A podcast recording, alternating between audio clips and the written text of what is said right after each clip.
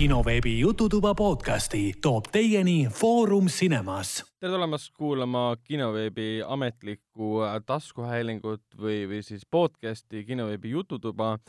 see on meie kolmeteistkümnes saade. minuga koos on saates nagu ikka Hendrik. tervist! mina olen Ragnar ja jällegi taaskord pole meiega koos Helenit, kes on nüüd pärast Cannes'i filmifestivali teine kord, kui Helenit ei ole taaskord on põhjuseks äh, haigus. Äh, loodame, et Heleni tervis paraneb ja saab meiega varsti liituda. ja Helen, saa terveks. jah, kindlasti kõik me igatseme igatsevad Heleni, Heleni arvamuse asjadest, sest meie kahe arvamused tihtipeale klapivad ja, ja see asi võib kiiresti minna. me oleme igavad äh,. mitte igavaks, aga lihtsalt tahad ühe... öelda, et me oleme igavad või? Mitte päris seda, et I quit, noh. ma ütlen, et Jau. sina oled igav, siis olen mina igav, vaata. ma nüüd on... torman ukse poole, teen lahti Nä. nägemist, ma saan üksi, üksi ka saate ära teha. et järgmine saade on kahekõne ühe inimesega. no täpselt, aga noh, loodame, et Helen saab ikka varsti liituda ja tervis, tervis paraneb. aga mis seal ikka, ilmad on ilusad, päike paistab, Nolan on Eestis ja varsti on ka Pattinson ja, ja mm, Michael Caine ja kes seal Elizabeth Debicki. Debicki täpselt on, on ka Eestis. Väidetavalt juba sellel, me oleme nüüd läinud muidugi uudiste peale juba üle, et äh, väidetavalt siis eelmisel nädalal ilmus äh, Christopher Nolani äh, fännilehel Instagramis siis teade, et järgmisel nädalal ehk siis sel nädalal, kui me saadet salvestame, algavad juba võtted. Nolani filmi Teneti võtted, mis järgmise aasta seitsmeteistkümnendal juulil linastuvad.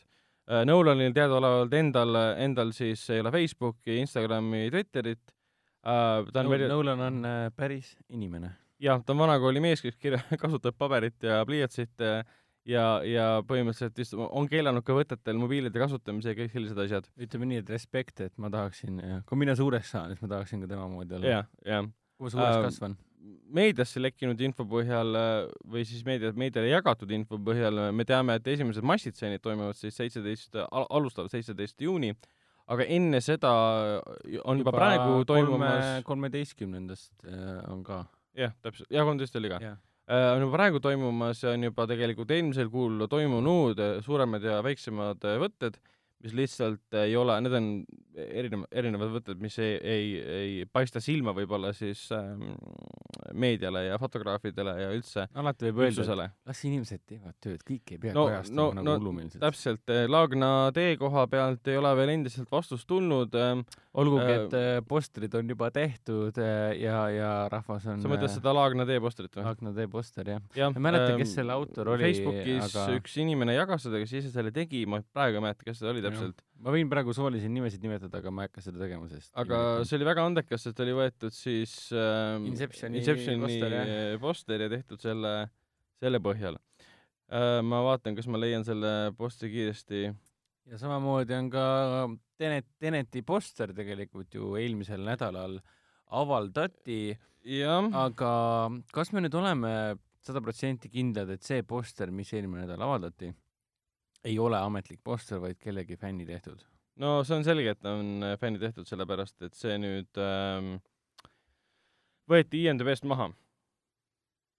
puhtalt sellepärast, et see oli jah, äh, fänni poolt äh, loodud, sest ma, okei okay,, ma tegin sellest loo ka, panin selle posteri üles, et posteri font meenutab Inceptioni fonti ja kõiksugused asjad, mis omakorda tekitas küsimuse, et kas Tenet, jah, see on spioonifilm, aga Nolani äh, filme vaadates, filmograafiat äh, uurides on selge, et ta ei tee kunagi tavapäraseid ähm, žanrifilme. jah, ja no eks see on arusaadav ka, vaata tänapäevasel sotsiaalmeedia ajastul neid allikaid, kust mingid postid pärinevad, äh, on, on niivõrd palju.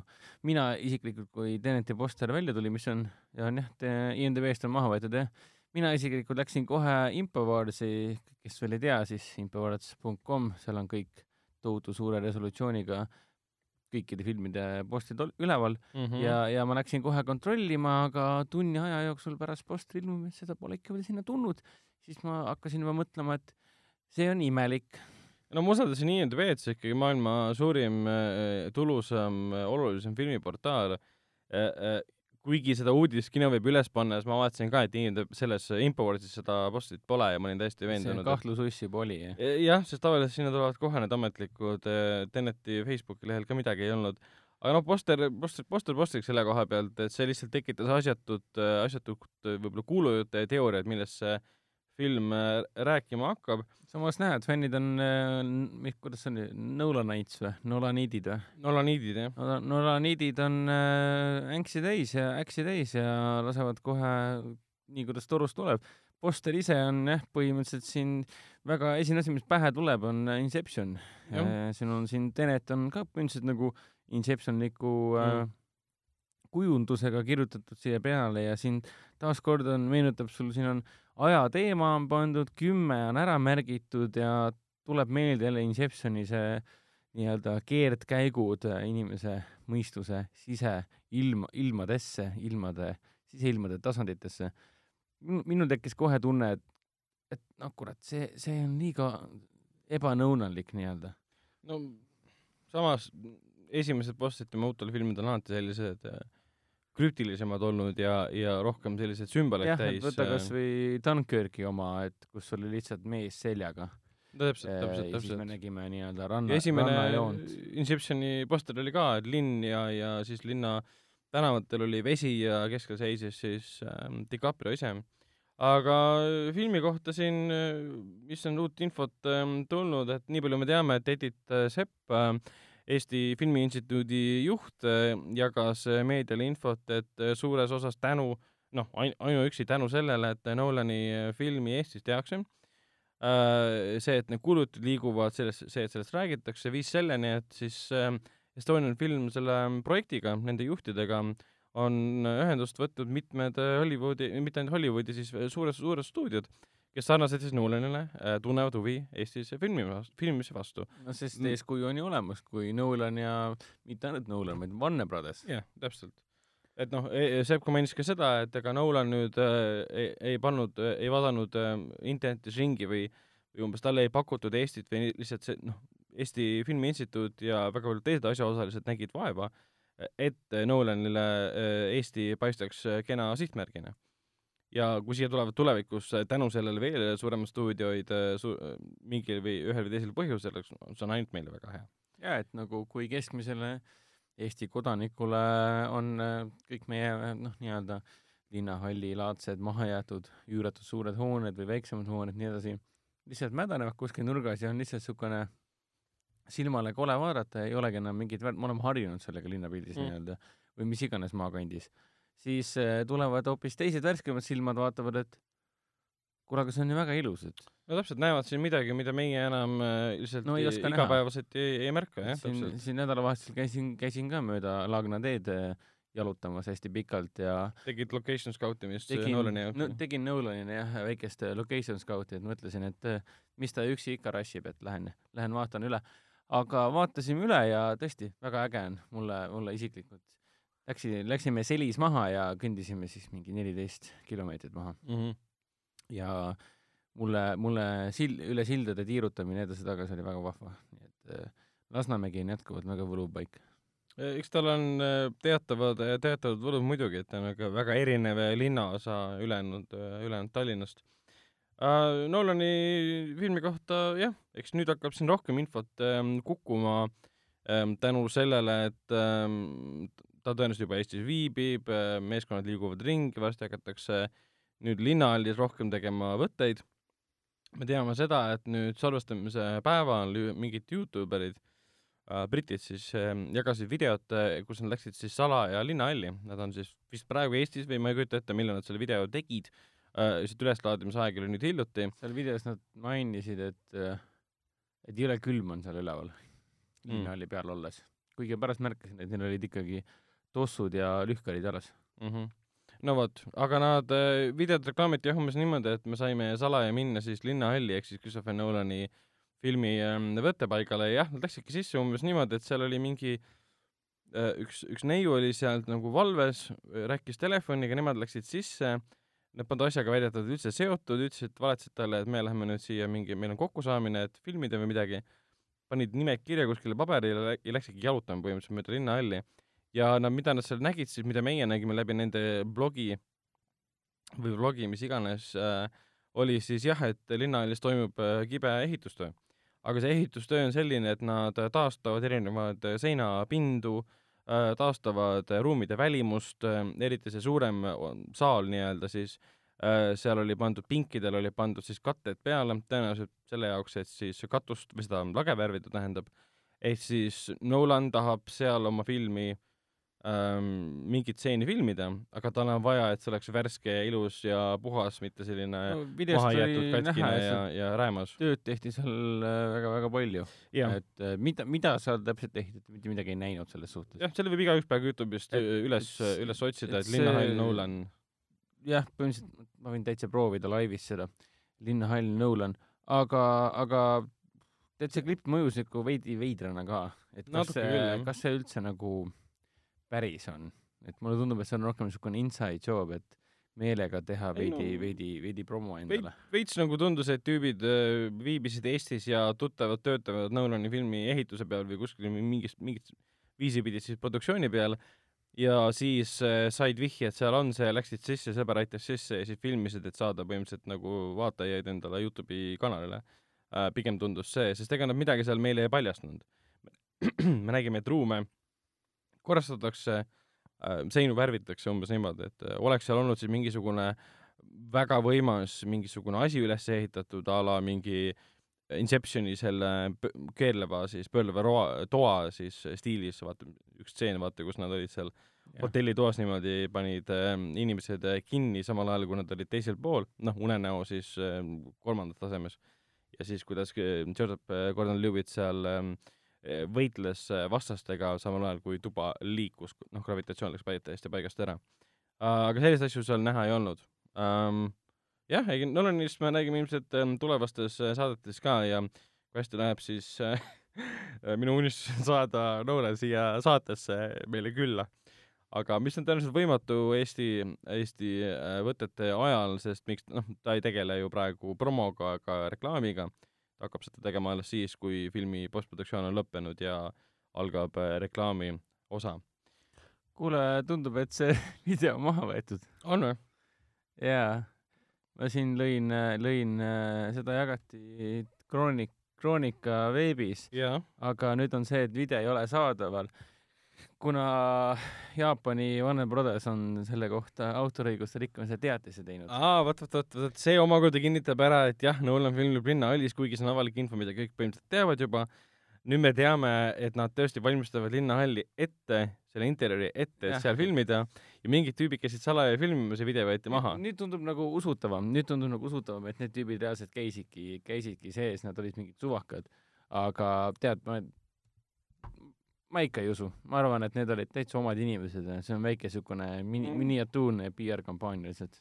noh, kuigi Nolani film minu silmis äh, ei vaja, pole kunagi vaja nagu sellist äh, kampaaniat, reklaamikampaaniat. sellega on tõenäoliselt kõik sinuga nõus. Selles suhtes, Nolan on äh, Nolan, Nolanit talle, tema filmide puhul piisab sellest, et sa annad välja, annad välja äh, postri, treileri, näitad, kes on peaosas ja sõltub, mis filmiga on tegu, nagu Interstellar, siis äh, reklaamid seda kui äh, kõige tõepärasemat, realistlikumat äh, sellist äh, ulmefilmi põhimõtteliselt, mis vaatleb siis ulmet äh, või noh, kosmosereisi äh, reitsikust äh, vaatevinklist. vot, aga Nolani juurest ümber edasi minnes, siis lähme Roland teise, teise, teise suure režissööri juurde. Äh, teises väga mõt-, tei-, väga teises mõttes suure režissööri juurde. Roland Emmerich, mees, kes äh, on meie toonud äh, sellised äh, filmid nagu, teate, esimene oli väga hea, iseseisvuspäev, Independence Day siis äh, Will Smithi ja siis ähm, Jeff äh, Goldblumiga, millele tehti ka, issand jumal, kaksteist aastat, kakskümmend aastat kaks tuhat kuusteist tehti siis järg. järgi jah, mis oli väga kehv, äh, minu, minu silmis päris, päris vahva oli isegi. unustatav ja iga, igav, et tema suurim probleem oli see, et tal ei olnud Will Smithi.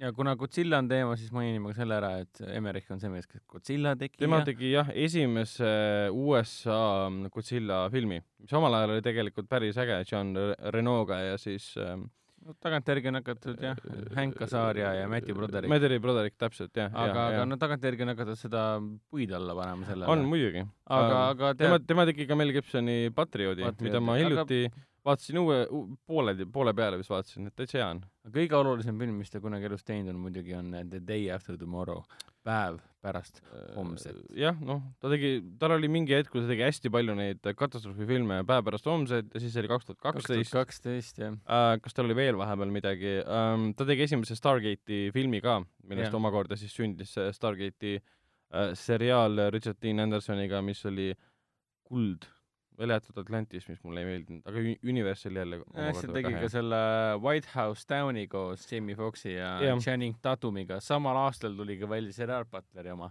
ehk ja kumb sai ähm, edukaks? no Anton muidugi... Fakua oma ehk siis Gerard Butleri variant, millelt tuleb nüüd juba siis kolmas osa, äh, variant, sest see oli, oota, tuleta mulle pealkiri nüüd meelde. üks oli White House Down ja teine oli mingi Eagle Has Land, ei, ei, ei, Has Fallen. Eagle Has Fallen või midagi laadset, jah. et see oli, nüüd on jah kolmas osa, esimene oli siis ähm, äh, Fakua filmidel oli jah USA president, siis oli Londonis äh, Olympus, Olympus, Olympus jah, brittidega. Ja kolmas osa siis selles, kuidas ähm, äh, Pal- ähm,, Baldwini jah, huh äh,, Butleri tegelaskuju siis süüdistatakse presidendi ehk siis Morgan Freemani tapmises. ehk siis miks me, miks me räägime nii palju meie armsast Emmerichist? sest äh, tal tuleb äh, nüüd äh, sel aastal välja uus film, mis on äh, tema esimene teise maailmasõja aegne sõja äh, film üldse.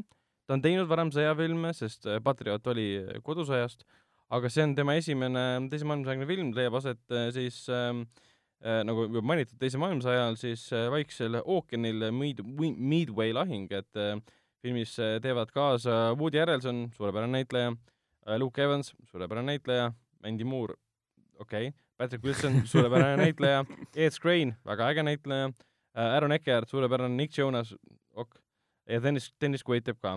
ja, ja tuleb välja meil, mitte meil, aga USA-s tuleb kaheksandal novembril, aga kuna film siin Lionsgate äh, levitab, siis me näeme seda tõenäoliselt umbes sel ajal ka Eestis. ma usun, et sellest tuleb oluliselt ähm, huvitavam äh, film kui üks ähm, tulevane film, mis ma vaatasin, et mis tuleb Eesti kinodesse ka, John Travolta ja, ja Morgan Freemaniga äh,. Ma ei mäleta, mis see nimi nüüd oli, mingi Tuliroos või midagi laadset äh,. selline otse, otse video on demand tüüpi, tüüpi film. aga ei, Roland Emmerich siis mõtles, et ta oskab seda spektaaklit luua. ja ei, ta on selle ala, see, mida ta teeb, on äh, väga meisterlik. Jaa. et äh, selles ei ole ka nagu väga kahtlustki. ja eepiline sõjafilm Teise maailmasõja ühest olulisest lahingust äh,, miks mitte, juba, juba tahan näha.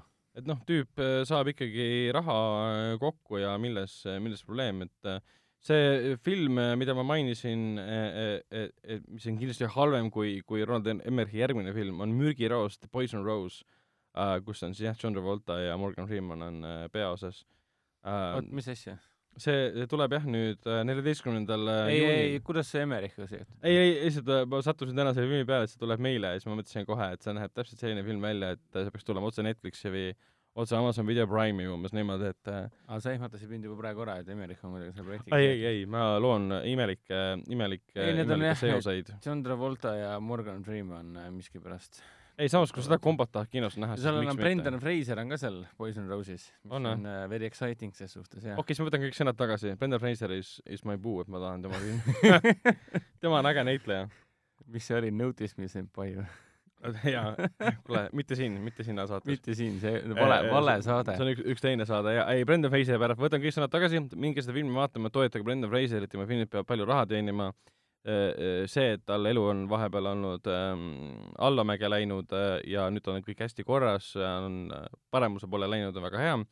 aga ma tahan väga, et mees, kes äh, tegi suurepärase rolli kahes äh, Muumia filmis, tuleks äh, tagasi rohkem kinofilmidesse ka, kuigi ta praegu teeb seriaalides väga head tööd eriti häid sõnu ma olen kuulnud äh, DC ähm, streaming äh, platvormil oleva Doom Patrolli kohta, mida lihtsalt öeldakse, et see on hämmastav, kuidas äh, DC suudab äh, seriaalide kujul äh, suurepärast tööd teha ja siis äh, vahepeal filmide kujul lihtsalt kukkusid kogu aeg kolinale vastu, käpuli vastu maad äh,. see on hämmastav, aga jah, Doom Patrolli kohta öeldakse, et sul on lihtsalt mingi üks tegelane, keda siis Brendan Fraser mängibki, on robot, kes näeb välja nagu friiki nostalgiline retrorobot, ehitatud valmis.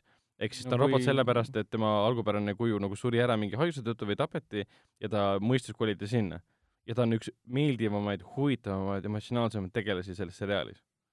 see on äh,, See- on Brendan Fraser, see on kirjeldasid praegu täpselt. Brendan Fraser, noh, välja arvatud see, et ta robot on, et ta on tegelikult väga mitterobotlik aga. Brendan Fraseri kohta nii palju öelda, et äh, ma lugesin temaga mingit intervjuud äh, eelmise aasta siis äh,, ma ei tea, mis ajakirjas see nüüd oli, hästi pikk lugu oli, kus siis ajakirjanik käis tema kuskil ranchos ja rääkis temaga ja ütles ka, et ajakirjanik kirjeldas teda, et ta oli väga õrn, habras. ja kui ta rääkis mingitest asjadest nagu naisest lahkuminekust ja, ja laste eest hoolitsemisest ja karjäärist ja haigustest, mis tal olnud on, seljaprobleemid ja kõik see, siis ta tihtipeale hakkas peaaegu et nagu nutma, et silmad läksid äh, vesiseks põhimõtteliselt ja hääl hakkas katkema. et ta on, tal on on väga raskesti midagi üle elanud, aga hoiame sulle pöialt, Brendan Fraser, nii et kõik lähme seda tuliroosi äh, vaatama. muidugi. vot, aga mida me veel mürgi, kindlasti, mürgiroos. vabandust, mürgiroosi, aga mida me veel kindlasti vaatama lähme, on, on järgmist äh, Batman'i filmi. mida siis lavastab meie lemmik Matt Reeves. Matt Reaves. miks on, miks on Matt Reaves meie lemmik? Esiteks ta on- ma ütlen ühe põhjuse- film. mina ütlen ühe põhjuse, sina ütled teise. esiteks sellepärast ta tegi suurepärase uusversiooni või tegelikult teise ekraniseeringu suurepärasest äh, romaanist äh, Lase see õige sisse. Lase Äh, sisse see õige. lase sisse see õige äh,, esialgne film oli, kandiski sama pealkirja, mis siis äh, äh, romaan äh,. Äh, Rootsi film oli suurepärane, mis esialgu tehti Jah. sellest raamatust. ja algupäraselt heideti justkui Ameerika versiooni enne, kui see isegi välja tuli, ette, et et miks mi- te tee-, miks te teete ingliskeelse miks on vaja meistriteosest, täpselt, miks on vaja meistriteosest teha uus versiooni. ta tegi uus versiooni, seal oli Cody Smith-McPhee ja siis oli seal see, Chloe Moretz, täpselt, film oli suure, Richard Jenkins. jaa, täpselt, ja film oli suurepärane, lihtsalt suurepärane. Ja see oli, miks ta oli suurepärane, sellepärast et ta põhines eelkõige raamatul, see oli üks asi. ja teine asi see, et ta ei kopeerinud ega ei eelendanud üldse Ei. äh, filmi. oli täiesti oma, oma nägemus ja, ja sina võid nüüd teise põhjuse öelda, miks Matt Reaves on väga äge režissöör. sellepärast, et tema lavastas äh, kaks viimast, noh, seni viimast osa Ahvide planeedi äh, nii-öelda eelloo seeriast, eelloo seeriast. Võib öelda küll eelloo seeriast või tegelikult öeldakse ka uus versiooni seeriast ja et see läheb nii segaseks juba, pigem on öelda, et eelloo seeria. ehk siis Dawn of the Planet of the Apes ja War of the Planet of the Apes. et kui Dawn of the Planet of the Apes äh, üllatas mind, kui, kui äh, intelligentselt ja tõsiselt, surmtõsiselt on võimalik teha ahvidest äh, maailma vallutama hakkavatest ahvidest filmi, no täpselt, siis, siis War of the Planet of the Apes äh,, mul on siiamaani karp lahti selles suhtes. absoluutselt. ja Ma mitte olen-, ja mitte ainult sellepärast, et see motion capture ähm, ja üleüldine CGI nägi suurepärane välja, mitte ainult sellepärast, et Andy Serkis on endiselt motion capture kuningas, see, kuidas see lugu oli jutustatud ja, ja film lavastatud äh, ähm, kahe osapoole konfliktist no, täpselt see, ja mis konfliktis seal tegelastes endis oli. et režissööril oli koos oma tiimiga võimalus niivõrd palju raha magama panna puhtalt selle peale, et üles ehitada äh, ülimalt realistlik ja hingav ja inimlik ahvide Mm. mm. maailm. täpselt ja, tulemus on see, et sa lihtsalt, sul siuke tunne, et sa noh, et ka nii on võimalik teha filme, see ei ole lihtsalt enam mingisugune blockbuster, see ei ole lihtsalt mingisugune sci-fi Hollywoodi film, see on Mm. mm. nagu Hollywoodi uus tase ja sellepärast ongi hea meel, et äh, Matt Reaves teeb uut Batman'i koos äh, Robert Pattinsoniga. jah, Twilighti, Twilighti näitleja, kes kõikides nendes äh, filmides äh, kaasa lõi äh,, muidugi, muidugi, muidugi ütleme nii, et äh, täna, tänasel päeval on juba suht patt öelda Robert Pattinsoni kohta, et ta on Twilighti näitleja. võiks ainult siis öelda, kui ta poleks tõesti vahepeal mitte ühtegi teist filmi teinud või midagi head teinud. Aga kuna ta näiteks oli suurepärase, tegi suurepärase rolli David Cronenbergi filmis Kosmopoliis äh,, nüüd hiljuti äh, ulmefilmis High Life äh,, jällegi peaaegu et Oscari vääriline roll, selles Krimkas Good Time'is, Good Time täpselt, Lost City of Seas mängis ja seal oli ka suurepärane, pluss minu üks lemmikrolle vist üldse ta on tal Rover, Rover ja Äh, David Kai- Mishedi David- ja Kai Pearce'i Jah, ja, jah. ja The Rover, see on kui ma ei eksi, fantastiline siis see roll. Eesti kinodesse ei jõudnudki, aga kui teil õnnestub seda vaadata, siis äh, tasub tõesti, ta ei ole, ta ei ole üldse see film, mis ta tundub olevat, et ta, ta tundub olevat nagu siis äh, apokalüptiline Rover film. täitsa jooksis äh, septembrikuus aastal Ah. kaks tuhat neliteist okei okei. vot, ta tundub olevat ap- apokalüptiline film kahest rändurist, aga see on hoopis midagi Roveri täiesti muud kohta. on öeldud, et ta on, kui tahad kiiret äh, kirjeldust, mis asi on Rover, siis äh, The Rover on äh, põhimõtteliselt vägivaldne eellugu maailmale, maailmast, mis ei ole veel muutunud Mad Maxiks. Mm, okei, võib ka nii öelda, jah. tihtipeale öeldi seda, et ta nagu põhimõtteliselt nagu Mad Maxi prequel Jah, enne kui kõik lolliks läksid. Uh, Pattinsoni näitlejatööde kohta me teame, et Cannes'is sai väga suurt äh, vastukaja mm, Robert Eggersi, kes on siis The Witchi režissöör, mis oli suurepärane Jah. õudusfilm uh,, um,. The Lighthouse on tema uus film, kus ta mängib siis, kus Pattinson mängib koos Willem Dafoe'ga. Cannes'is äh, kiideti seda filmi taevani uh,. Kinoveebis ilmus Cannes'i ajal ka siis äh, muljed filmidest um,, Sirbi peade- äh,, filmitoimetaja äh, Tristan Priimägi neid äh, kirjutas ja tema nimetas seda um, Cannes'i äh,, vist oli üheks oma lemmikfilmiks kindlasti. vist oli küll nii, jah. mitte üldse Cannes'i, aga selle nüüd uue seitsmekümne esimese, teise Cannes'i ähm, lemmikuks. ja kui sa nüüd paned äh, Pattinsoni ja Reavesi kokku The Batmaniks, filmi nimi ametlikult on praegu The Batman, ja täpselt, mis ta eesti keeles olema hakkab, loomulikult ma arvan, et Noh, Batman. nahkhiire mees. viimane Batman oli meil mis siis? Tim Burtoni või? nagu pealkiri Batman jaa yeah.? esimene Tim Burtoni oma, jah. oli viimane. vahepeal on ju olnud äh, Batman, Batman Returns, Batman Forever aga vahe on selles, et Tim Burtoni oma oli Batman, mitte The Batman. jaa, täpselt, täpselt. umbes, see on umbes nagu Fast and Furious, et kui esimene oli Fast and Furious, ei oota, alguses oli The kui Fast esi-, kui and esimene Furious, osa oli The Fast and the Furious, neljas oli Fast siis, and siis Furious. neljas oli Fast and Furious, ehk See on, siis noh, key difference. Wolverine'iga oli samamoodi, nad tegid ju Wolverine ja The Wolverine. vahepeal oli vaata see James Mangoldi esimene film oli The Wolverine, mitte lihtsalt Wolverine.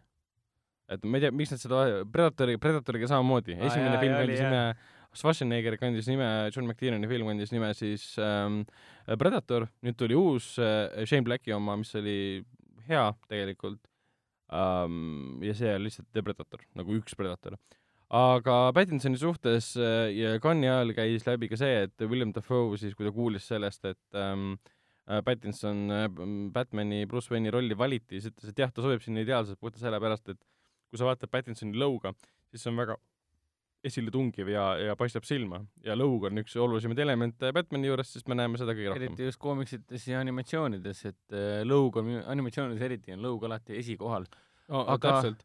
mida ma tahan veel mainida, enne kui sa räägid äh, Batman'i äh, sisu kohta, mille kui me seda teame, on see, et uus äh, Batman'i film siis linastub äh, kahe tuhande kahekümne esimesel aastal, kahekümne viiendal juunil, ehk siis sinna veel aega, aega on, aga millest äh, uus äh, Batman'i film räägib, ega see ometi pole jälle sünnilugu ja me näeme jälle tema isa ja mis see nüüd oli, Marta ja Marta, Marta ja Toomas. Thomas Wayne'i surma ja siis, kuidas ta väike poiss kasvab üles, et me oleme seda nii palju näinud juba, Gothami seriaal näitas seda meile, meile näitas seda uuesti of äh, Justice näitas seda ja pikalt ja põhjalikult ja Zack Snyder ja Aeg luubis. ja Nolan on seda meile näidanud juba ka, et noh, äkki no see aitab. on, Nolani jaoks on arusaadav, aasta Mm. oli siis ju kaks tuhat viis, kui ma nüüd ei eksi, et noh. ja see oli teine nagu reboot selle koha pealt. jaa, et no Batman oli siis eksisteerinud ju äh, üheksakümmend, kaheksakümmend üheksa kuni sa mõtled film, kahekümne, filmide kujul siis? filmide kujul jah, et noh, Tim Burton tegi Popiks äh, filmi No, kujul. tegelikult enne, enne oli selle algupärase enne oli ka muidugi, aga kui ma mõtlen seda tumedat Batman'i ja, jaa, film, jaa. filmi, filmiuniversumis, Burton alustas ja siis lõp-, lõpetati selle äh, Kärts Põmm äh, Batman ja Robiniga ja siis oli nagu selge, et Batman on surnud ja enam ei tõuse. Aga siis tuli Nolan ja näitas, et äh, Batman on kõige tõsiseltvõetavam tegelane üldse mm.. aga siis äh, voilà, Nolan lõpetas ära seeria ja ütles, et mina lähen teen oma originaalseid asju. Läheb hoopis Eestisse filme tegema. jah, tegi siis- vahepeal kaks siis- filmi. jah. pärast Dark Knight Risesit ja Interstellar ja Dunkirk ja nüüd on kolmas, jah. jah, Täpselt. täpselt. Et siis äh, Warner Brothers oli plindris, et äh, teeme siis Zack Snyderiga uuesti, et Henry Cavill on Superman ja Ben Affleck on äh, Batman, aga selle asemel, selle, selle asemel, et teha loogiline jätk, ehk siis teisisõnu, miks mitte teha selline elus pettunud ja pessim-, elus pettunud ja pessimistlikust Batmanist eraldi film, et see The Batman oleks võinud juba enne Dawn of Justice'it olla, ehk siis Mm. teisisõnu, algul tuleb Man of Steel, mis mulle siiamaani meeldib, antud siis tuleb uus siis tuleb Batman. Batman ja siis tuleb Batman versus äh, Superman. Dawn of Justice, aga ei, paneme lihtsalt kaks ja pool tundi ühte filmi ja no, no no veits muidugi arvestades seda, et Nolan oli kolm filmi juba teinud, et me ei pea nagu tegema, vaata. tõsi, aga vaata, Nolani ta- filmidel oli väga spetsiifilised plotid, väga spetsiifiline areng oli igal Mm. sellel põhi, Batmani tegelasel. ja see, mida Nolan tegi ja see, mida Warner Bros hiljem Snyderiga See tegi, on ja päev, siin ei olegi erinevad asjad võrrelda. muidugi. kuigi Snyder on tegelikult pagana geniaalne re- režissöör, kui keegi suudaks teda talitseda, siis oleks ta suudaks teha ka järgmise Watchmeni. ta, ta ei ole seda veel ja- teinud, et äh, aga Watchmen on tema, tema parim asi, mida see mees on kunagi tootnud. no mitte ainult, isegi ma ütleks, et üks parimaid äh, superkangelase filme üldse. Kuna see jah, film ei, ei, ei, ei lahterdu siis äh, DC ja siis Warner Brothersi ja Marveli ja Disney äh, komiksifilmide, superkanalifilmide hulka. ta on ikkagi Alan Moore'i tehtud ja hoopis teisest maailmast nagu pärit. vot, aga, aga nagu... mida me filmi kohta siis teame? ma lõpetaks oma mõttekäigu Okei, sellega ära, et äh, kuna of Justice oli totaalne noh, finantsiliselt ja ka selle kriitikute poolt nagu tegelikult läbikukkumine ikkagi, siis äh, mis et, et, no rahaliselt ei olnud. no jaa, aga ta oli ju, ta läks ju ajalukku sellega, et äh, teisel nädalal toimus meeletu langus mm. Mm. kino, kino, kinokülastuse, külastatavuse pealt. aga tulemus oli siis see, et äh, Warner Brothers organiseeris oma DC universumi ümber ja, ja siis me hakkasime nägema Wonder Womanit ah,, siis äh, muidugi see oli veel siis vana DC-s veel sees nii-öelda, kui nad veel Dawn of Justice'it pressisid peale mm. Iga, igas nurgas ja muidugi tuli ju Justice League ka ja. Justice League oligi see viimane kirstordil, mida, mida viis karikas. ehk siis kirstordil, mida keegi süüa ei tahtnud. jaa, võib ka nii ehk siis öelda. vasti, väga vastik kirst nii-öelda. ja tulemus oli see, et äh, tulemus on see, et meil on praegu Aquaman, tulemus on see, et meil on praegu Shazam, ehk siis meil on tegelikult väga head DC filmid on järjest välja tulnud ja nad on väga, väga hea reel, et nad leidsid oma jalge aluse ja nüüd nad teevad, mida teha. ja tulemus on see, et me nüüd, tuleb Jokeri film samamoodi, Jokker film oktoobris mis ei seostu mitte kuidagi nende varasemate filmidega. ja, ja, ja siis me hakkame nägema Matt Reavesi oma ja praegused kuulujutud väidavad seda, et film ei ole kindlasti sünnilugu Mhm. ja kindlasti ei ole ta ka of Justice'i stiilis elus pettunud Batmanist Mhm. niisugune vanem juba ja näeb niisugune välja, et tal oleks õpipoissi vaja, kes võtaks keebi üle nii-öelda. Mhm. et pigem on tegemist niisuguse koomiksi, Batman Year One'i äh, koomiksil põhineva looga. tundub, et ta on justkui sealt inspireer-, inspireeritud, väga vähe on teada, aga nii palju on teada, et justkui Batman ise, Bruce Wayne on ise kolmekümnendates aastates ja ta on juba Batman, ta on juba Batmani ametis nii-öelda, aga ta veel harjub, harjutab, treenib olemaks, olemaks see, kes ta olema peab ehk siis maailma parim detektiiv. täpselt seda väidetakse ka ja üle pika aja oleks iseenesest tore näha ka filmi kujul seda fakti, mida koomiksites on kogu aeg ja animatsioonides ka on kogu aeg toonitatud, et on ju, ta on väga hea detektiiv. filmides me seda jah, väga nagu näinud ei ole. filmides ta peksab ja lömastab ja kasutab äh, arvuteid ja nagu- internetti täpselt. Dark, Knightis oligi see, et ta sai kõiki mobiile jälgida, mis oli üks lahend, Lucius Fox tegi talle põhimõtteliselt selle. ja rohkem midagi taolist ei ole tõesti olnud jah. et igatahes põnevad lood, mis toimuvad Batmaniga. minul on täielik usk äh, Matt Reavesi. muidugi, siit ma muidugi kardan veits seda, et kuna Brothersi alt äh, tuleb ka Jokker nüüd välja, siis Joaquin, Joaquin Phoenixiga. samal ajal tuleb välja siis Margot Robbie ja siis äh, noh, kes mängis selles Smashed ja ähm, selles ähm, äh, Edgar Wrighti koomiksifilmis, noh äh,. tuleta meelde, nii, Edgar Wrighti koomiksifilm. see, kus tüüp peksis Scott Pilgrim. jah, täpselt, kes see tüdruk oli, see naine oli, kes mängis seal? ah, mul tuleb praegu meelde, igatahes need kaks äh, mängivad seal ja see on ka siis Birds of Prey, mis on siis nendest äh, Gothami nagu vaenlaste äh,, naisvaenlastest nii-öelda siis. ja ma kardan, ühel hetkel nad ikkagi seostavad need filmid omavahel ära. ehk tuleb Matt Reavesi Batman välja, siis äh, tuleb äh, mingi ühine film, kus Matt Reavesi Batman võitleb siis Jokeriga või, kes on Joaquin Phoenix siis tuleb järgmine film, kus ta võitleb siis Birds of Prey tegelaskujudega, siis tuleb järgmine film, kus nad panevad ta ikkagi Aquamani ja Shazami ja teistega kokku.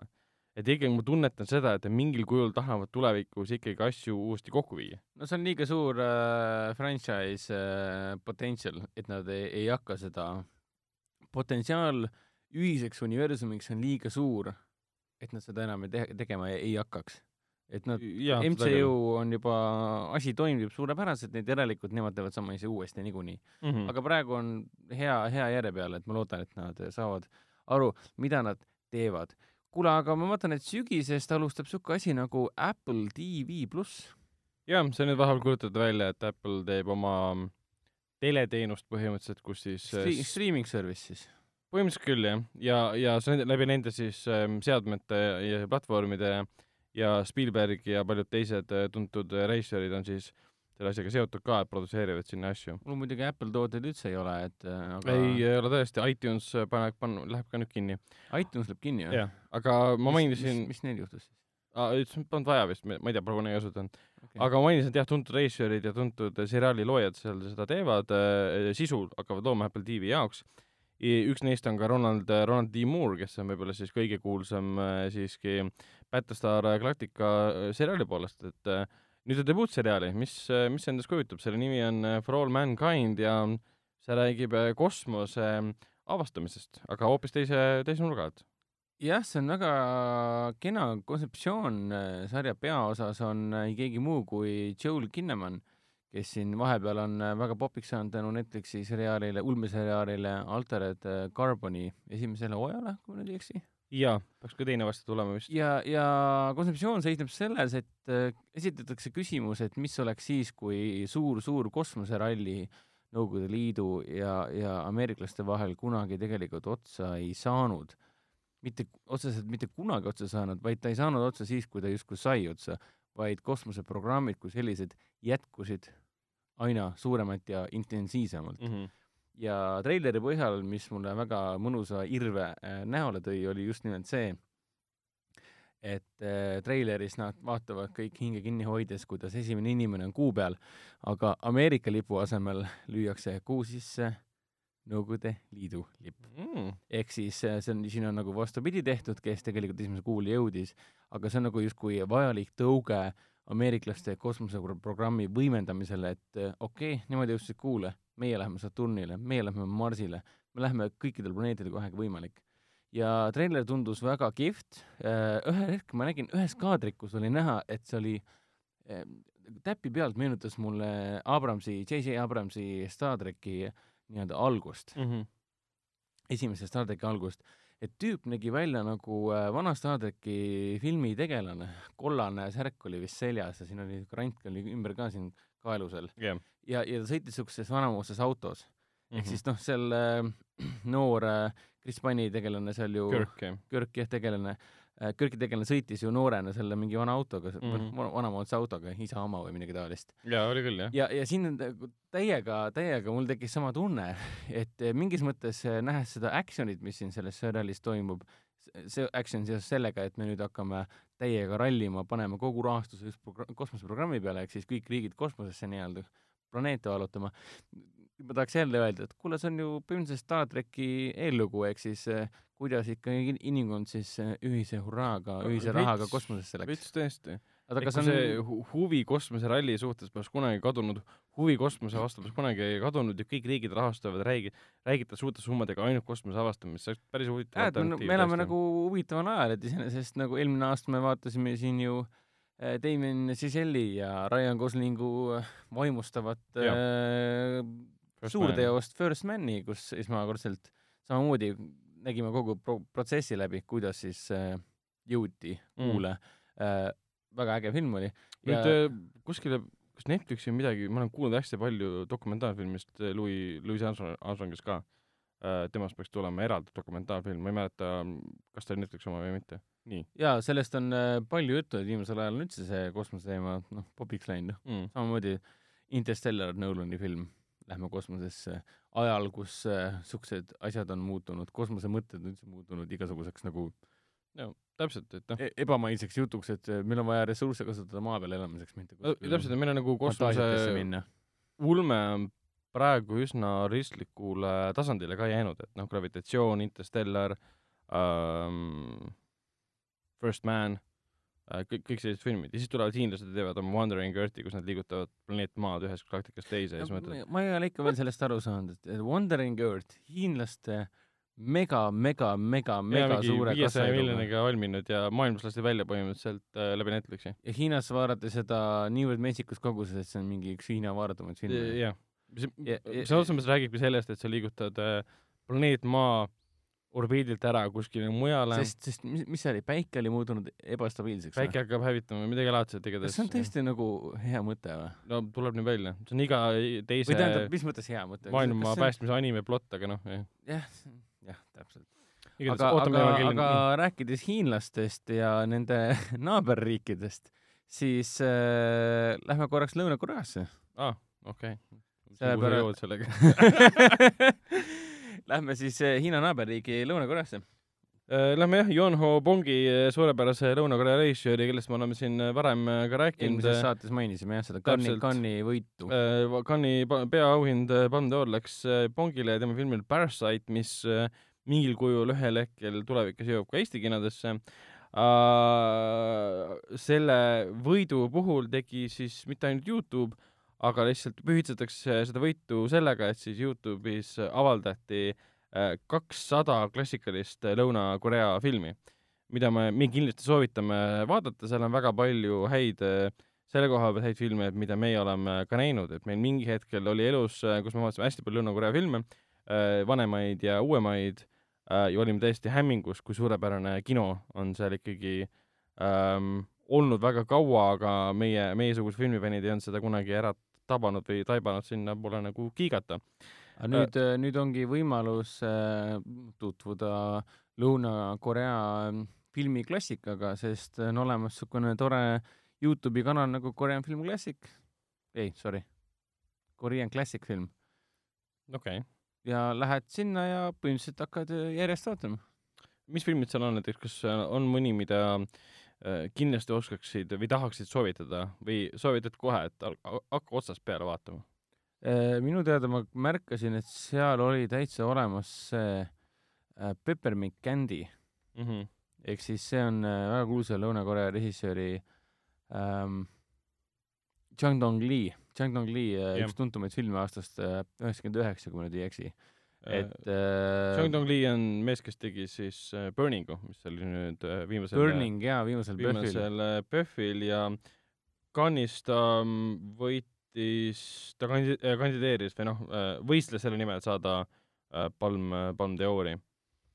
et äh, jaa, selles mõttes, et äh, nüüd on hea võimalus äh, lõunakorealased tegid ajalugu, võtsid äh, Palm d'Ori, said end-, enda, endale, võitsid esmakordselt, nii et nüüd on õige aeg ennast kurssi viia, mis toimub Lõuna-Korea filmitööstuses, sest filmid on reaalselt väga, väga head, selliseid asju tavaliselt ei näe. jah, ja kuskilt alustades, miks mitte äh, Peppermint äh, Candy'st, sest Jung Dong Lee puhul soovitame muidugi tema varasemad asjad ära vaadata, aga Miljang ehk siis oh issand jumal, inglisekeelsed pealkirjad, ma tean seda filmi Miljangi järgi äh,. otseselt see lõuna äh,, Jung Dong Lee film, kus üks naine kaotas lapse ja elas läbi väga palju asju. Secret Sunshine. Secret Sunshine, jah, jah. mina mäletan ta Miljangi järgi, sest see Jaa. on lõunakorea see keelne Secret Sunshine, seal oli jah, see peaosas oli meie suur lemmik Kango Song ka. ja, ja täpselt ja tal on veel, tal on veel ähm, Poetry ähm,, mis on väga huvitav ähm, Alžeimeri all kannatavast äh, poeedist äh,. tähendab, üks naine avastab oma elus eesmärgi, aga siis, kui ta see elu eesmärgi avastab, milleks on äh, luuletust äh, kirjutamine, luuletamine, luuletaja olemine, siis tal avastatakse ka Alžeimer. aga lähme rõõmsamate teemade juurde edasi ja räägime muidugi mm, Jurassic Parki äh, saaga frantsiisi järgmisest äh, filmist, mis, milleks on muidugi Jurassic World kolm, kuna vahepeal on kolm Jurassic Parki juba ammu valmis tehtud, siis on juurde tehtud kaks Jurassic Worldi filmi, üks suurem film kui teine muidugi, eriti rahalises mõttes, mida ta on kassas tagasi teeninud, ja kolmas osa muidugi tulemata ei jää, sest me enam-vähem kõik mäletame, ma loodan vähemalt, kuidas Jurassic World kaks lõppes eh, saarelt enam-vähem nagu lahkuti, sest noh, saar hävines. Ja dinosaurused, vabandust, vabandust, vabandust, ja dinosaurused jõudsid lõplikult siis ähm, maale, selles mõttes maale, et ähm, linna asundusse põhimõtteliselt, kus elavad äh, tavalised inimesed, varasemalt selles seerias sattusid äh, saurused ähm, maale ainult siis ähm, Jurassic äh, Parki teises osas Lost World, kus siis äh, meie armastatud T-Rex läks siis San Diego tänavatele hullama. jah, seal toimus põhimõtteliselt sama asi, mis toimus ju Jurassic World kahes Fallen Kingdomis. taaskord inimene tuli, võttis kaasa dinosaurused, viis vägisi enda juurde Jah. ja loomulikult läks olukord. Väljus kontrolli alt ja siis kohe hakkasid inimesed mõistma, et ja ega loodust ei saa ikkagi oma, oma ja selles mõttes need filmid ikkagi osavad äh, kordada ennast, aga ma ei usu praegu, et Jurassic World kolm kordab Jurassic World kolm, Jurassic Park kolme. sellepärast, Äh. sellepärast et ühelt poolt ta juba kordab, sest me teame seda, et Bryce Dallas Howard, kes on mänginud siis kahes ähm, Jurassic Worldi filmis ja teeb kaasa nüüd ka sel nädalal, seitsmendal juunil ametlikult alustab, kuigi esines sul varem Rocketmanis teeb kaasa, kus ta mängib siis ähm, Elton Johni ema. Äh,, ütles ühes intervjuus välja, et jah, Jurassic World äh, kolmes peaks tagasi tulema ka muidugi Alan Granti kehastanud äh, Sam Neill, aga ka siis äh, Laura Dern. Ja muidugi ka Jeff Goldblum, kes astus üles ka Jurassic World kahes. äh, Fallen Kingdomis äh, üsna, üsna filmi, filmi alguses. mis, mis oleks ju väga vahva tegelikult. Äh, jah, põhi, põhituumik, põhikolmik on no, tagasi kes, koos. kes ei tahaks neid, see on muidugi totaalne fännide teenimine nagu fänn, fanservice nii-öelda. kes ei tahaks näha neid äh, armastatud tegelasi uuesti. absoluutselt, jah. aga, aga kuhu ja kuidas, see on muidugi palju tekitab küsimusi, sest Isla, Isla Nublar äh, Fallen, Fallen Kingdomis ju hävines vulkaani purske käigus. tõsi. aga me teame, nagu sa enne mainisid, et siis Jurassic Park kahes Lost Worldis on olema, oli, tutvustati meile ka ju Isla sonarit. jah, teine saar. kus, kus, kus siis tegevus toimus. nii et äh,, et kõik on võimalik et äkki ta ongi nii, nagu Jurassic Park kolm, nad lähevad tagasi saarele lihtsalt, teisele saarele? jah. Või nad pigem ikkagi jätkavad siis kuskil linna, linna vahel, kus saurused jooksevad ringi? saare värk on, tõenäoliselt saare värk on nüüd lõppenud ka, sest äh, Fallen Kingdomi lõpus me ju nägime, et dinosaurused tõesti vabaks. seda küll. ja eks siis hakkab taaskord olema see koos eksisteerimise teema, kas see on siis pehme ja mõnus või siis väga valulik sümbioos, seda saame üsna pea tulevikus näha. aga Jurassic äh, World, ma vaatan, kolmas osa, millal ta umbes välja võib tulla, kaks tuhat kakskümmend üks äh, käivad, käivad jutud, et seda filmi me näeme, tuleb välja, kõiki filmi me näeme aastal kaks tuhat kakskümmend üks. Äh, kaasa arvatud John Wick nelja ja siis äge... Batman'i Jurassic World kolme. ja ma vaatan, et esimese Worldi režissöör on taas kord tagasi äh,. Colin, Colin, jah, see mees, kes äh, vahepeal lasti vist Star Warsi filmi juurest lahti, jah, lasti lahti, õigus, õigus. tal oli vist jah, see pärast of Henry väljatulekut äkki. tal ei läinud hästi küll jah, kuigi ta on jah, ühe kõige edukama filmi maailmas teinud, Jurassic World üks siis uh,. Jurassic Worldiga jätkates siis tuleb välja, et Netflix äh, tahab ka sellest seeriast teha endale anima, animaseeria, mis, mis see endast kujutab? kuule, täna põhimõtteliselt, ehk siis salvestamise päeval see info hakkas justkui liikuma Äh, Netflixi järgmisel aastal peaks siis tulema Jurassic Worldi noh, animeeritud seriaal, mis siis räägib kuuest äh, teismelisest, kes satuvad siis taaskord ei kuskile mujale kui äh, Isla Nubralile. mis äh, ajahetkel see kõik aset leiab, seda hetkel me ei tea, sest me ju teame, et Fallen Kingdomis saar hävines siiski ära.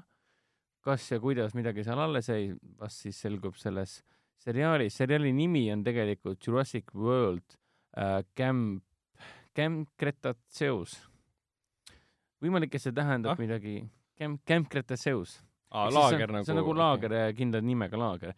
ehk siis nagu lastelaager, aga nad satuvad kogemata valesse kohta mm. valel ajal äh,. treiler oli lühike, aga ega sealt väga palju selgemaks pilte ei saanud Netflix on üldse väga hoos nende seriaalidega, anima, animaseriaalidega, et vahepeal käisid juttu kiirete ja vihaste animatsioonist, mis peaks selle aasta jooksul veel ilmuma ja nüüd selle tuli... aasta jooksul või?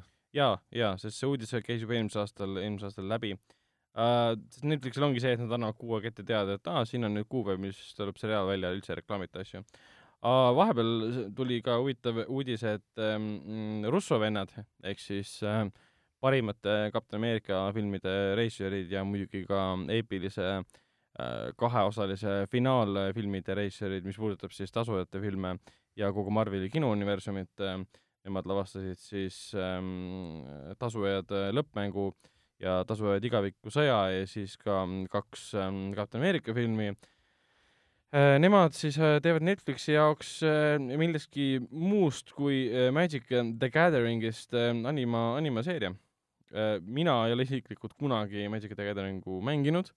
ma tean inimesi, kes seda mängivad, äh, kes on seda fännanud. Jah, sest ta on nii äh, noh, füüsiline kaardimäng kui ka, ka digitaalne osaliselt, ma saan aru. ja, ja sellest on Steamis igal pool mujal mobiilimängud ja, ja, ja veebi, veebimängud ja päris arvutimängud ja kõik see on olemas täiesti. et noh, mina, mulle meeldib, mulle meeldib rohkem Hearthstone Uh, mida me selle mm, seriaali äh, kohta oskame öelda peale selle, kas me linastusaega teame?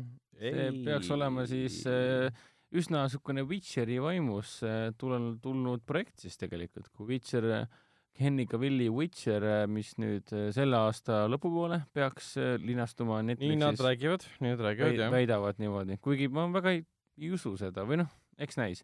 aga Witcher ka ju põhineb kuulsal romaaniseerial ja põhineb veelgi kuulsamal videomänguseerial. tõenäoliselt sellest, sellest, sellest vaibist tingituna nad otsustasid ka siis, kui me juba maagilise fantaasiarohke fantaasia peal oleme, fantaasiarohke fantaasia või wow.? Vau. aitäh sulle selle eest. maagilise ja siukse eriti äh, põneva ja seikluslika fantaasia peal oleme, et siis laseme käia, võtame kohe järgmise property, mis on juba äh, nii-öelda popkultuuri funda-, vundamenti raiutud. mina oleksin Netflixis, ma oleksin täpselt sama otsuse teinud jah, siis käivad jutud, et nad tahavad sellest teha jah, siukse korraliku mm, žanri segu äh, draamast, horrorist äh,, trillerist, kus on hästi sügavad äh, tegelased, aga tundub pigem jah, see, et see nüüd ähm, Netflix äh, läheb jah, sellise mitte high fantasy, aga fantaasia seikluste poole.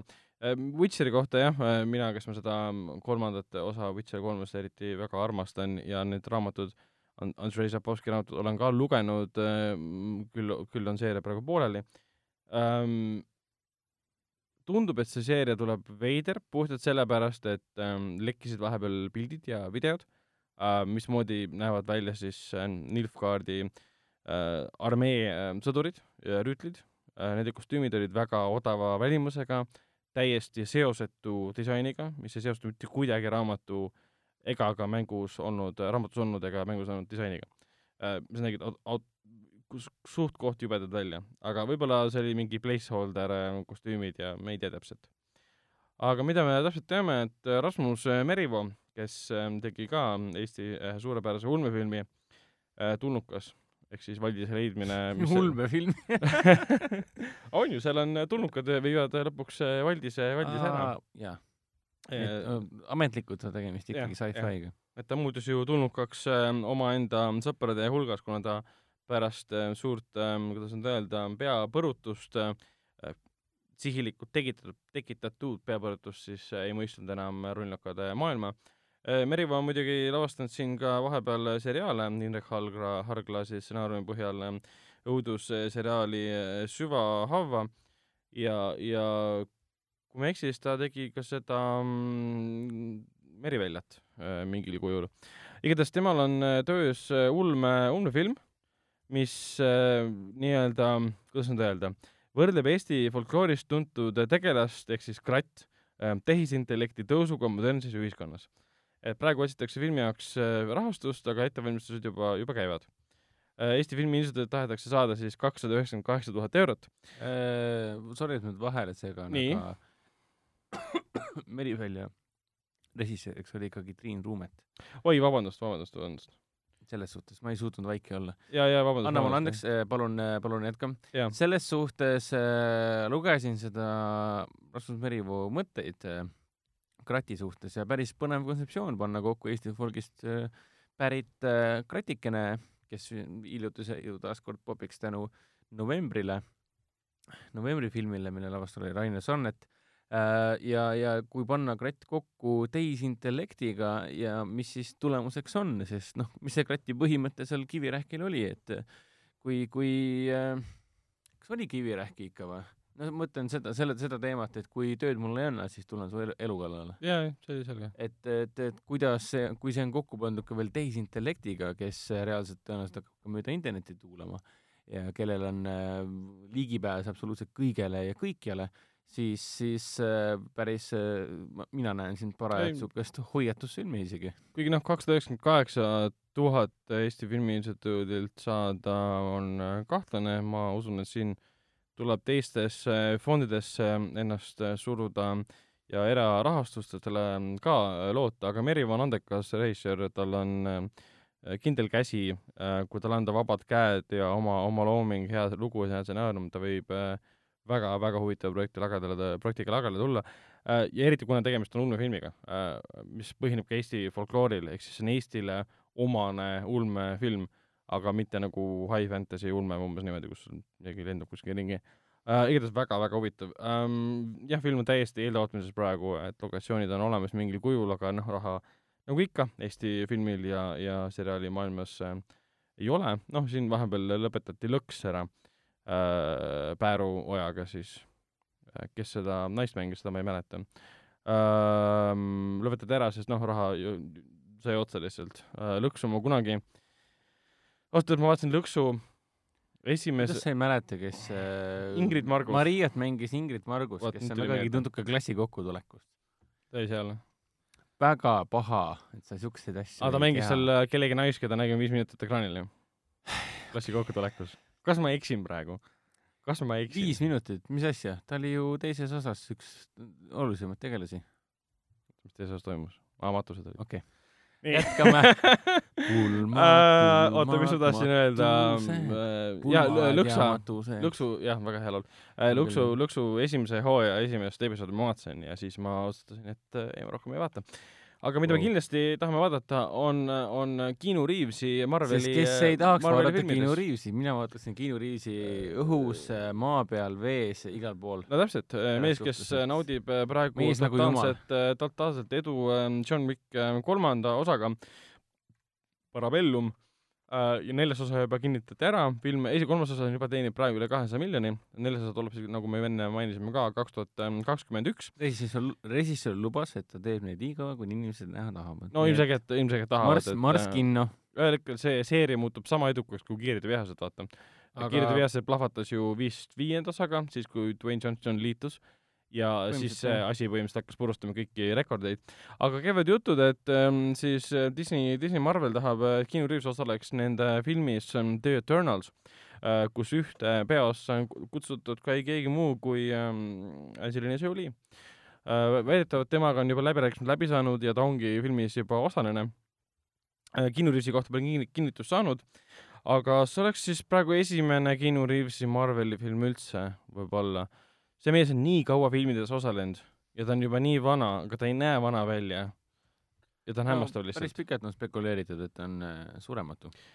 seda ka, aga filmiks jah, The Eternals on selline huvitav asi, et äh, kuna siin vahepeal kuulutati nüüd äh, Disney poolt välja mm, järgmised, järgmiste Marveli filmide linastuskuupäevad ja siis sealt põhjalt ma ennustasin, et äkki kaks tuhat kakskümmend äh, lõpupoole on see Eternalsi linastuskuupäev, kuigi ma enam nagu veits kahtlen, et ma arvan, et ta jääb kaks tuhat kakskümmend üks paiku kuna alles praegu esitatakse näitlejaid uh,. film ise on siis jah, komiksi seerial, ta põhineb Jack Kirby ja seal oli keegi veel, keda ma praegu ei mäleta, aga ma ütlen selle ilusti välja, kelle oma see nüüd oli, et saaksite ikkagi teada mm.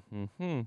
oligi ainult äh, Jack Kirby komiksi seeria filmi reisijal on siis äh, Chloe Zhao, kes tegi üks The Rideri, mis oli vist üle-eelmisel aastal üks hinnatumaid filme, mida keegi polnud näinud um,. The Eternals jah, viib Marveli filmid äh, jäädavad siis nagu kosmosesse, varasemalt on seda teinud siis um, Galactica valvurid, aga kuna seal on nüüd Eternalsis on peaosas siis nagu peategelased on siis äh, surematud kosmilised olendid, keda siis um, Jolie ja Reaves ka ke- kehastama hakkavad, võib-olla siis Reaves, siis on see hoopis teistsugune äh, film äh, kui see no, Marveli film, mida ma olen nagu varem, varem näinud äh,. minul poleks selle vastu mitte midagi, kui Keanu Reaves äh, liitub äh, Marveli maailmaga. kusjuures, kas kas sa teadsid, et Keanu Reaves tegi kass nimega Kiinu häält filmis nimega Kiinu või? jah, teadsin küll um,. see oli see film, kus äh, mängisid kus peaosades on äh, maailmakuulus režissöör äh, Jordan Peele. Jordan Peele ja tema partner äh, koomiku, koomikust partner Keegan Michael Key. jah, ehk siis Key and Peele'i äh,, Matt Eve'i äh, klippidest tuntud äh, koomikud äh,.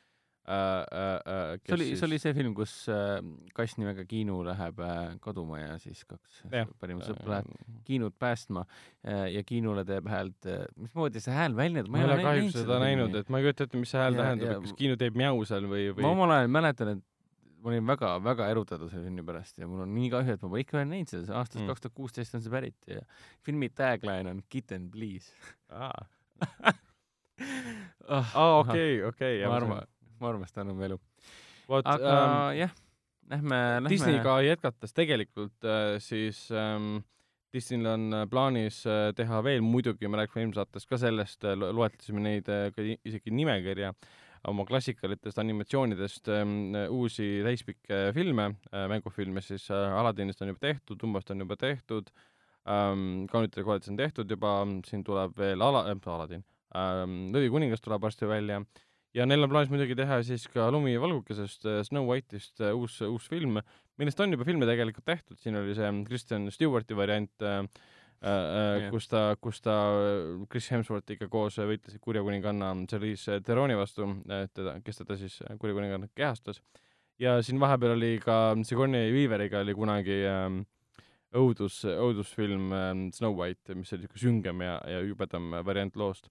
Aga antud juhul peetakse silmas jah, selle algupärase äh, animatsiooni uusversiooni ja räägitakse, et tahetakse režissööriks näha siis Mark, Mark Webbi ehk siis mees, kes tegi suurepärase, ühe kõigi aegade parema isegi äh,, koos, ma ei tea, Harry Met Salli ja Hugo Mail ja igatahes Nora Ephroni filmid igatahes äh,. Äh, äh, äh, siis ähm, romantilise komöödia Viissada päeva suvest ähm,, Five Hundred Days of Summer, mis äh, jah äh,, Joey Deschanel ja siis George Clooney Lewitt äh, olid seal peaosades. ta muidugi tegi ka siis äh, Sony jaoks, enne kui Sony andis, või noh, mitte andnud, aga asusid Marveli Disneyga siis koostööd tegema, et äh, Spider-man tuua tagasi MCU-sse.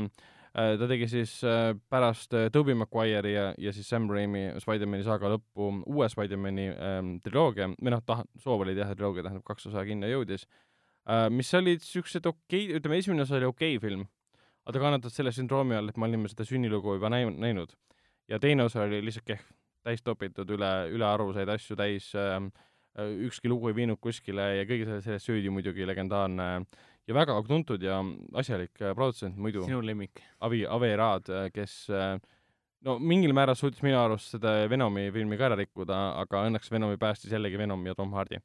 ei Aa, käpi Venomit, Venom oli väga hea. Selge, ja Mark Webb, jah, teda siis so Vau, soovitakse siuke dissimine käib siin. äh, soovitakse Snow White'i reisijana näha ja minu silmis ta saab sellega väga hästi hakkama, et kui Marvel ei, ei pane talle päitseid pähe ja ei kirjuta tema eest naamit ümber iga, igal jumala võttepäeval, siis, siis ta saab sellega hästi hakkama, sest ta juba on tõestanud tegelikult kahe esimese Spider-man, Amazing Spider-man filmiga, et visuaalseid maiuspalud oskab luua. Tehni-, tehnilises mõttes olid mõlemad Spider-manid tegelikult ikkagi päris vägevad. Jah. kõik need esimese isiku vaates äh, tseenid ja, ja visuaalselt see ikkagi mõjus ikka väga, väga, väga teistsuguse ja huvitavana. nojah, sõltumata sellest, et filmid ise olid kehvad. no no film ise oli nagu selles mõttes nagu, kui sa võtad lavastuslikult ja tehniliselt oli okei okay,, aga ja näitlejad olid, mulle väga meeldisid Emma Stone ja siis äh, Andrew, Andrew Garfield, nende keemia töötas. Aga, aga see, kuhu seda lugu nagu rihiti ja mis eesmärgiga seda lugu jutustati, kus need äh, nagu fookuspunktid olid sinna no, pandud, rahamaik oli juures ja neil olid suured plaanid seal teha oma Sinister Sixi, Sinister Sixiga ehk siis suur äh, Spider-mani suur vastane, vast, vastane organisatsioon, et teeme nüüd oma universumi ka ja kõik see, et noh, kusjuures äh, Spider-maniga seoses juba käivad jutud, et äh, järgmine Spider-mani film äh, pärast siis juulis linastuvat äh, äh, ämblikmees võõrsil või noh, kodus kaugel pigem siis äh, kodus, kodus kaugel. kodus kaugel jah, et ähm, selle järg äh,, selle järjest peaks tulema siis Venom äh, kujulõõtud, mis oleks päris tuus tegelikult, et ta hakkab võitlema või Venomiga äkki. Tom Hardy siis ikkagi või? ja mingid jutud käivad, tahavad Deadpooli ka sisse tuua, vaata. ja omakorda lekkis siis uudis ka, et kuna nüüd Fox läks üle Disneyle, siis Disney pani kinni päris suure projekti, kus oli üks film, kus oligi Spider-man koos, Deadpool koos, väga palju X-Force'i tegelaskujud ja siis X-mehed ka muidugi. no iseenesest oleks ju nagu see Venom oli väga edukas, hullult edukas oli Venomi film.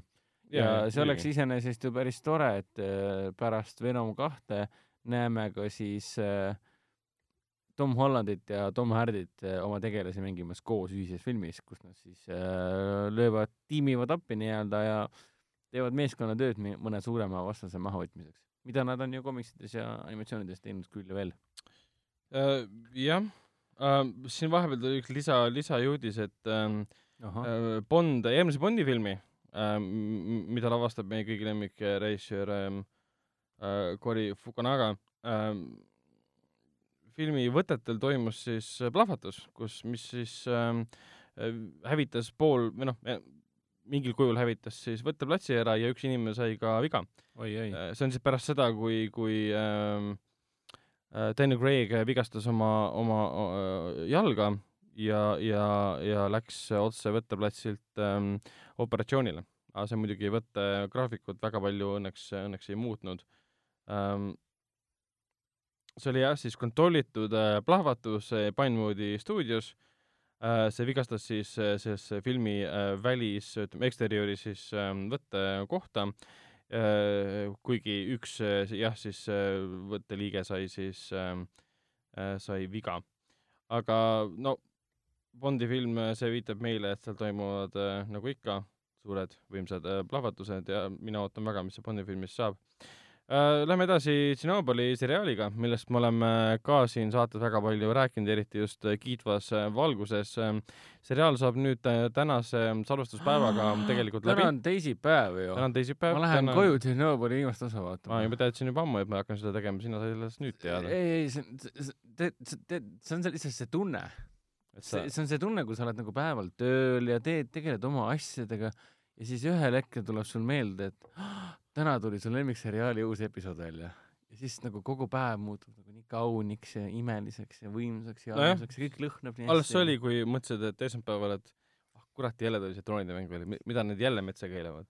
jälle jälle, jälle see jama noh. aga nüüd saab jälle siis äh, suurt äh, tragöödiat vaadata, kuidas inimesed äh, kannatavad ja surevad Euroopa päästmise nimel, sest noh, Tšernobõlis oleks võinud asjad palju halvemini minna. Seriaal saab jah nüüd läbi ja, ja mul on üks osa veel siis vaadata, varsti ilmub selles kinoveebis ka arvustus. seriaal on suurepärane meistritöö äh, igas mõttes äh,, kuidas nüüd öelda, üks aasta parimaid äh, seriaale äh,, täiesti õigustatud, miks ta on siis ikkagi IMDB top ähm,, topi, seriaali topi esimene. see, kuidas Greg on seda kirjutanud ja, ja Johan Renke on seda lavastanud äh,, John Renke tähendab, on äh, tä- täiesti hämmastav. näitlejatööd ta oli täitsa Johan oli jah, vot. ja näitlejatööd ja eriti see autentsus, kuidas nad taastavad autentsuse, kas sa vaatad kasvõi ähm, naistegelaste öösärki, sa saad kohe aru, sa võid kontrollida, et see ongi nõuka, puhas nõukaaegne öösärk ja kuskil artiklis ka üks, üks ähm,, sa ise jagasid mulle seda, üks äh, Ameerikas äh, elav ähm, äh, endisest Nõukogude Liidust äh, pärit äh, inimene, noh, ajakirjanik, ta on äh,, vaatab seriaali ja siis Mhm. ta on ise ka imestunud, et kuulge, et teil on siin mingid detailid sisse pandud, mida nagu tõesti ainult minusugused märkavad, et tavaline inimene ei pane neid isegi tähele, aga te, te olete nagu äh, sarjaloojad on niivõrd palju vaeva näinud, et, et see on, see on nagu hämmastav, et isegi need äh, numbrimärgid autodel on äh, nii täpselt valitud sinna, et see No, ajakirjanik oli hämmastunud, et ta tegi nagu nalja, et nagu kellele te teete seda, et nagu ma sa- ma saan aru, et see on mulle, et ma nagu märkan ja mina tunnen ära, aga noh, jah, ütleme nii, et olid ajad, kui äh, Venemaa ja vene keele kasutamine Nõukogude Liidu ka siis, kaasa arvatud äh, Hollywoodi filmides ja, ja seriaalides oli, oli nagu paras nali, sest no äh, muidugi, kasutati neid seda- jõududena ja jah, ja kõik pursivad seda, mittevenelased räägivad siis vene aktsendiga, aktsendiga inglise keelt mis rikub ära kogu näitleja ja, soorituse ja. kogu ja kui nad räägivad päriselt paariks lauseks mingit vene keelt, siis, siis on tavaliselt on naljakas. niimoodi, et kui sa oled kinosaalis koos vene publikuga ka, siis, siis meie ei naera, no me naerame selle peale, et see kõlab veidralt Mm. isegi meie saame aru sellest. ja, no ja vene publik naerab endale lihtsalt nagu hül-, hülgeks põhimõtteliselt. ei no muidugi. ja, ja kui kuulata nüüd äh, Spotify's on olemas Tši- Chernobyl podcast, kus Greg Mazin ja saatejuht äh, ehk siis seriaali looja siis ja stsenarist äh, räägibki oma protsessist, kuidas ta seriaali lõi ja kirjutas, ta hakkas seda kirjutama juba enne. Spotify's või? ja, ja raisk. Chernobyl podcast iga episoodi kohta põhimõtteliselt. Vau. ja seal ta ütles ka, nad võtsid kohe alguses otsuse vastu, et me ei hakka seda, me ei hakka sundima oma näitlejatele, Jared Harrisele ja Stellan Skarsgårdile, Emily Watsonile ja teistele selle, suruma peale, et kasutage vene aktsenti. sest esiteks, see ei ole, neid, rikub näitleja töö ära. rikub näitleja töö ära. teiseks ähm,, isegi kui sul on maailma parimad soovid, lõppkokkuvõttes see muutub naljakaks. ja tema eesmärk oli saavutada see, et me, me ületame keelebarjääri, et kui sa seriaali vaatad, sul läheb täiesti meelest ära, et see peaks vene keeles olema. või see, kui sa seri- seriaali vaatad, sul on tunne, et aa, see vist oli nüüd vene keeles, vaata, keerid tagasi, aa ei, ikkagi inglise keeles. Ja ta tõi ka näite ühe, vist oli Max von Sydow üks vara, vara, vanemaid filme, tõi näite ka, et see rääkis ka mingi Rooma ajastust põhimõtteliselt, kõik rääkisid seal mingi iiri aktsendiga, šoti aktsendiga, kui mõnel oli liiga niisugune jõhker aktsent, siis ta pidi seda muutma veits, Max von Sydow ilmus kohale, hakkas rääkima tema ro rootsi aktsendiga põhimõtteliselt. Ja asi töötas.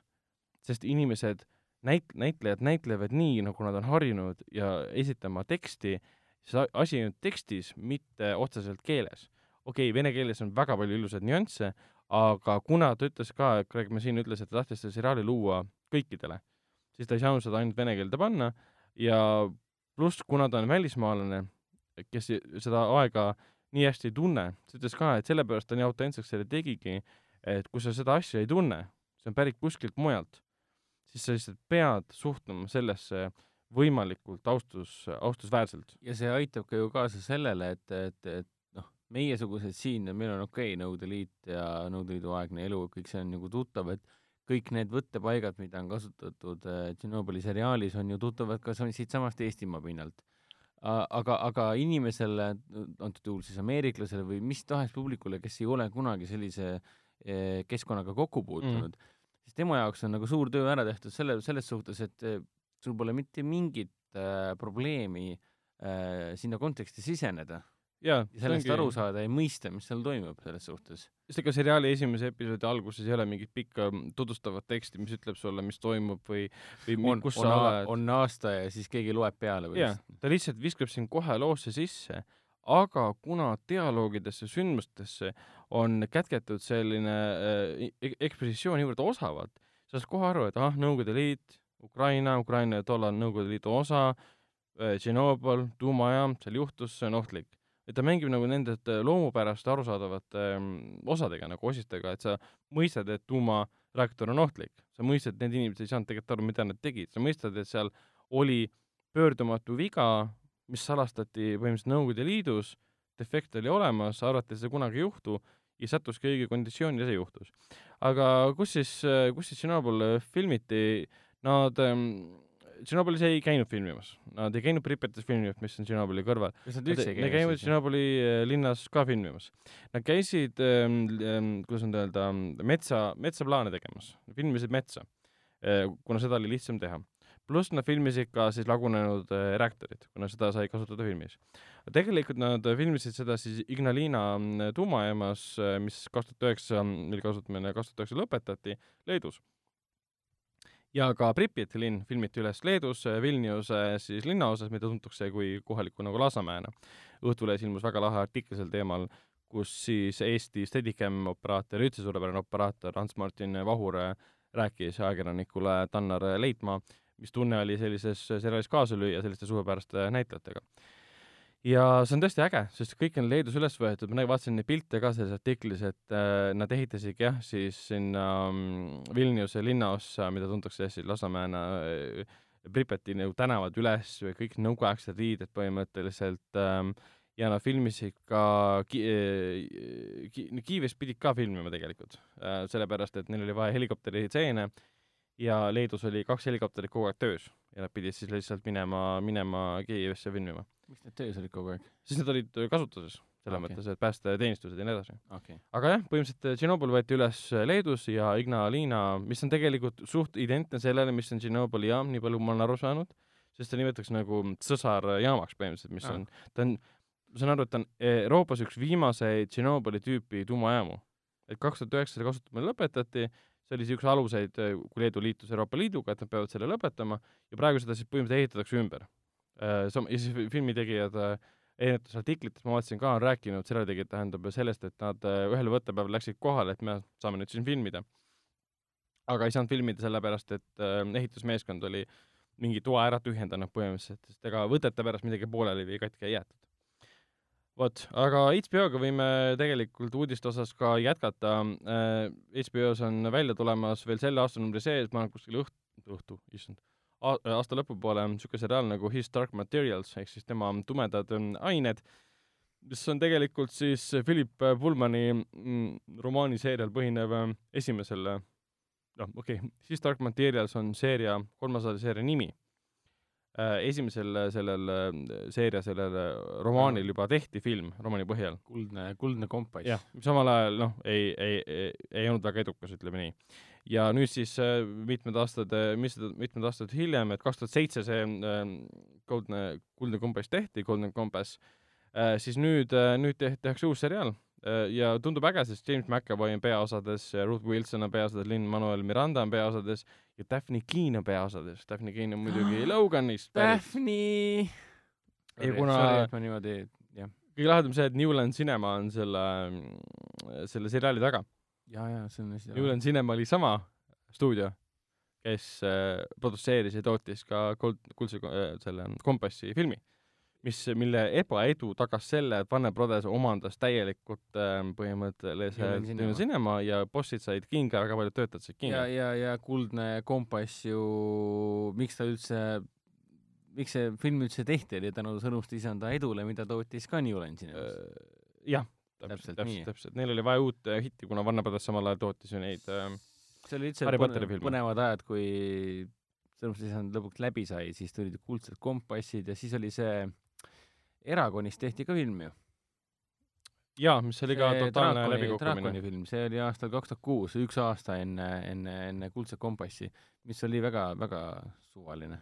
See oli jah siuke laste, lastefilm lihtsalt tehtud, kui ma olen aru saanud fännide juttudest, et äh, raamatis oli üsna okei okay.. aga, aga see treiler äh,, mulle see nagu materjal väga meeldib, samamoodi see Kuldne kompass ja see He Stark Materials mulle muidugi väga meenutab seda äh, Mortal Engines'i seeriat, et ma ühel hetkel loodan, et nad äh, seriaali või, või ikkagi filmidena teevad selle projekti ikkagi lõpuni. nojah, see on üsna levinud asi praegu, et äh, kui film läbi kukub, siis me päästame asja seriaaliga. Kuigi tihtipeale need nagu Dark Tower. jah, kuigi noh, Dark Toweri puhul äh, Kingi romaani seeria põhjal siis äh, tuleb seriaal, seal nagu näitlejad ei kordu ja tegijad on ka teistsugused. ja Kuldse kompassi puhul samamoodi, et siin, või noh, selle His Dark Materialsi puhul, et siin on teised, hoopis teised inimesed. Lähme edasi, lähme edasi Leaving Neverlandiga, lahkudes Neverlandist, see on siis ähm, seriaal, mida HBO-s, vähemalt Eestis ei näinud Telia HBO-s, ta vahepeal jõud-, mis seriaal, kaheosaline film siis, dokumentaalfilm Michael Jacksonist.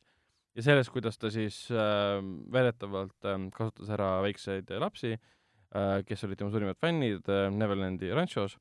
Ja see film äh, sai, ilmus äh, Sundance'i mm, filmifestivalil eelmisel aastal väga suure skandaalidega ähm, kooskõlas äh,, käidi protestimas ähm,, äh, see Michael Jacksoni perekond kaebas ähm,, kaebas äh, HBO-ga kohtusse äh,, kohtuasi üks osapool vist lahendati hiljuti ära äh,, pakuti välja, et lahendame väljaspool kohtut äh,. aga Eestisse esialgu see jõudis jah, TV Play Premiumi kaudu, kus seda ainult näha sai äh,, nüüd ta jah, on siis ähm, Kanal kahe vahendusel tegelikult juba sal- salvestamise päeval äh,, täna, neljandal juunil äh, kell kakskümmend kaks kolmkümmend ta linastub äh, ja teine osa siis, kuna kokku neli tundi, mõlemad on siis kahe, kahetunnised, tuleb siis üheteistkümnendal juunil ähm, teisipäeval, et vahepeal on need kordus, kordused ka ja pluss, kui te kasutate mingit ähm, süsteemi, kus te saate tagasi äh, kerida või kuidas seda nimetada, tagasivaatamist teha, siis, siis ähm, on see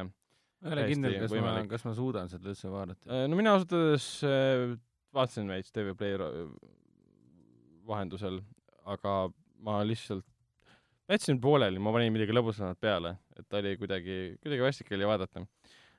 vahet pole, kas noh, selles mõttes on vahet, kas tõsi või mitte, aga need, kuidas inimesed rääkisid seal sellest, mis nendega juhtus, see on nagu asi, mida lihtsalt laupäeva õhtul vaadata ajaviiteks, ütleme nii.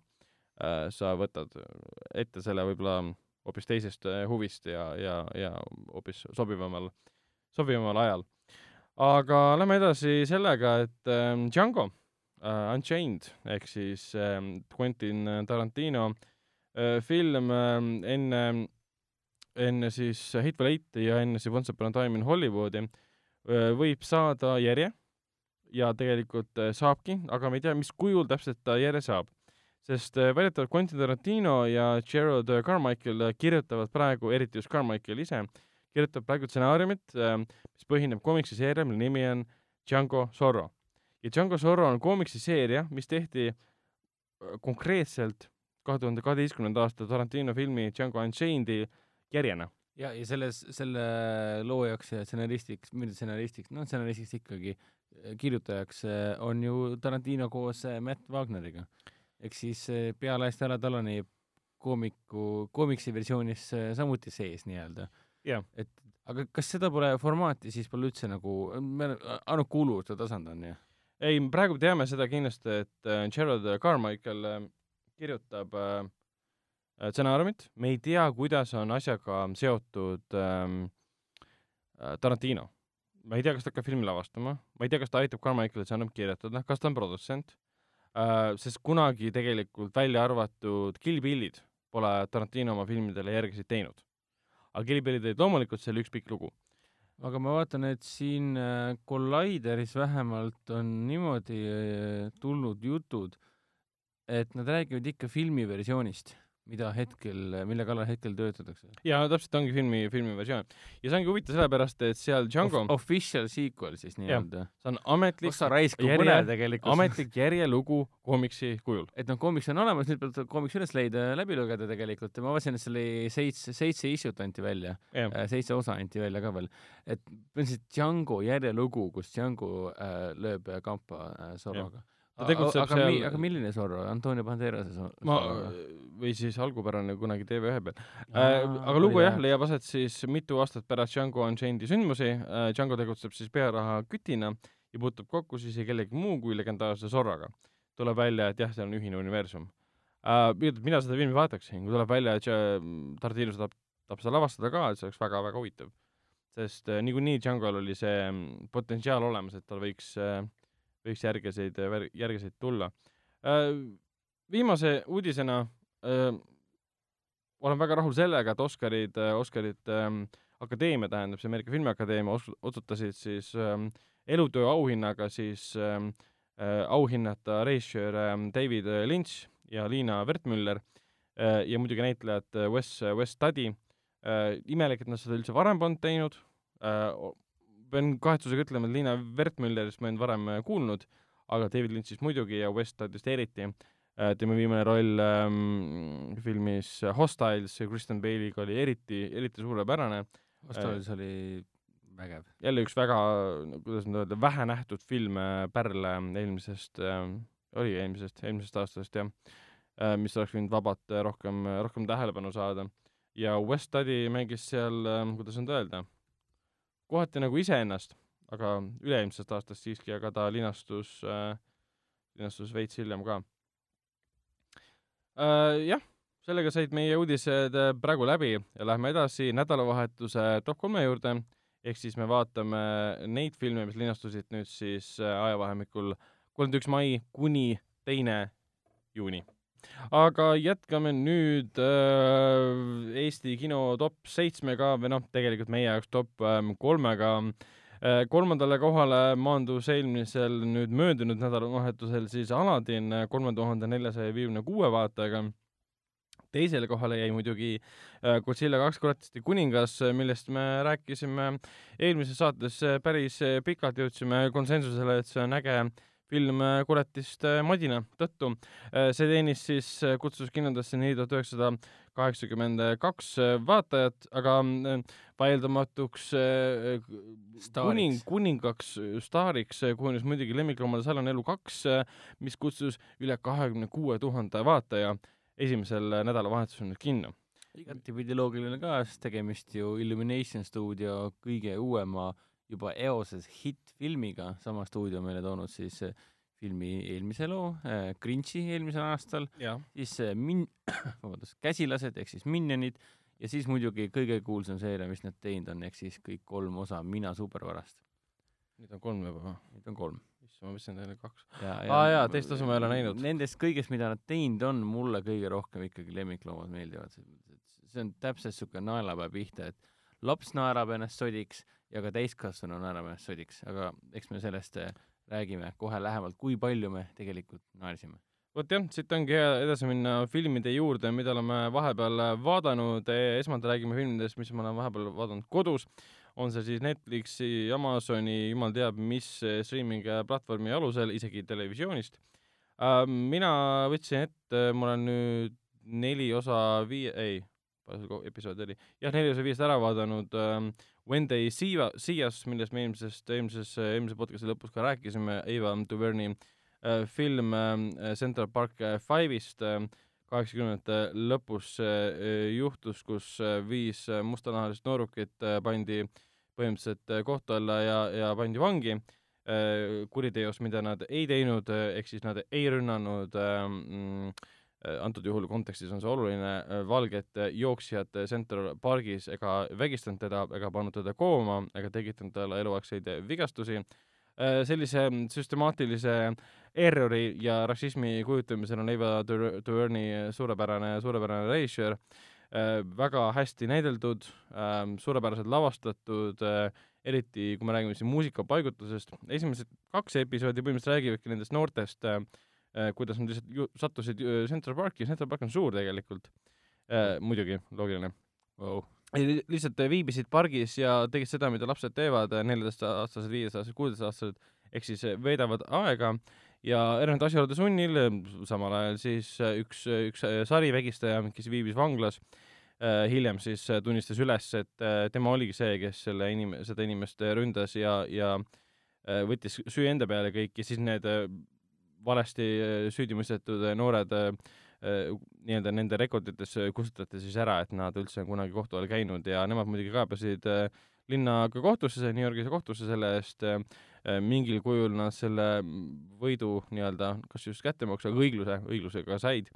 Jaa, soovitan, soovitan vaadata, see pole ainult neile, kes võib-olla tahavad ajalugu teada või need, kes kuidagi tunnevad, et, et see pole võib-olla neile, on, see on äh, filmikunstiliselt või noh, seriaalikunstiliselt äh, suurepäraselt ähm, tehtud äh, asi. vaatan ta lõpuni, järgmises saates räägin pikemalt.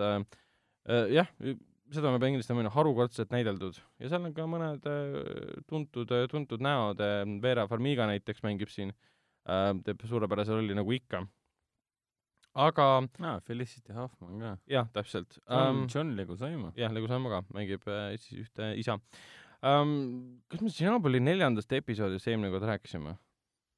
Me olime vist näinud ära siis teise ja kolmanda ja neljandat me vaatasime ikkagi hiljem. mul on, tunne, et me räägime kogu aeg Tšernobõlist kogu aeg Tšernobõlist uh,. jah, tegelikult me saame Tšernobõlist teha nüüd kokkuvõtte järgmises saates ka, kuna me oleme kõik episoodid ära näinud. siis on, siis on vaadata. et see neljas episood oli nüüd äh, mõnevõrra aeglasem, pani paika nagu viimase episoodi sündmused no me kõik teame, et see asi lõppes sellega, et nad läksidki ähm, nii-öelda siis tunnistusi andma, et mis Tšernobõlis toimub äh, Legasov ja siis äh, ähm,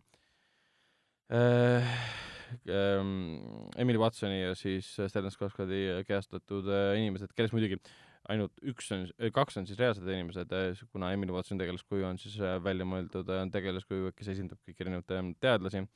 Äh, neljas episood oli jah, väga jõhker, et mind, mind see pani ikka väga palju vihastama, mida seal ähm, erinevatel, taha üldse spoil ida, mida seal puhastus, äh, süstemaat-, süstemaatilisel puhastamisel oli vaja teha ja tuli välja erinevad tõed selle kohta, et miks see sündmus ikkagi juhtus, tegelikult tehti kõik õigesti, aga juhtus sellepärast, et mõned saladused on kogu aeg saladused olnud ja inimesed kannatavad selle tõttu, sest seal neljandas episoodis on hea lause ka, et Nõukogude tehnoloogia ei vea ju alt see peab olema inimlik viga.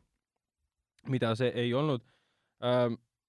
jah äh,, sattusin vaatama ka sellist filmi nagu Blown Away, mis on siis üheksakümne neljanda aasta märul äh,, USA märul äh,, Stephen Hopkins on selle filmi äh, režissöör, mees, kes tegi meile, tõi meile näiteks ka siis Predator kahe, mida paljud nagu ei sallinud, aga mulle ta endiselt meeldib, sest ta on nagu kapitaalselt teistsugune film kui, kui äh, esimene osa, mis on mõnes mõttes rahulik film lausa.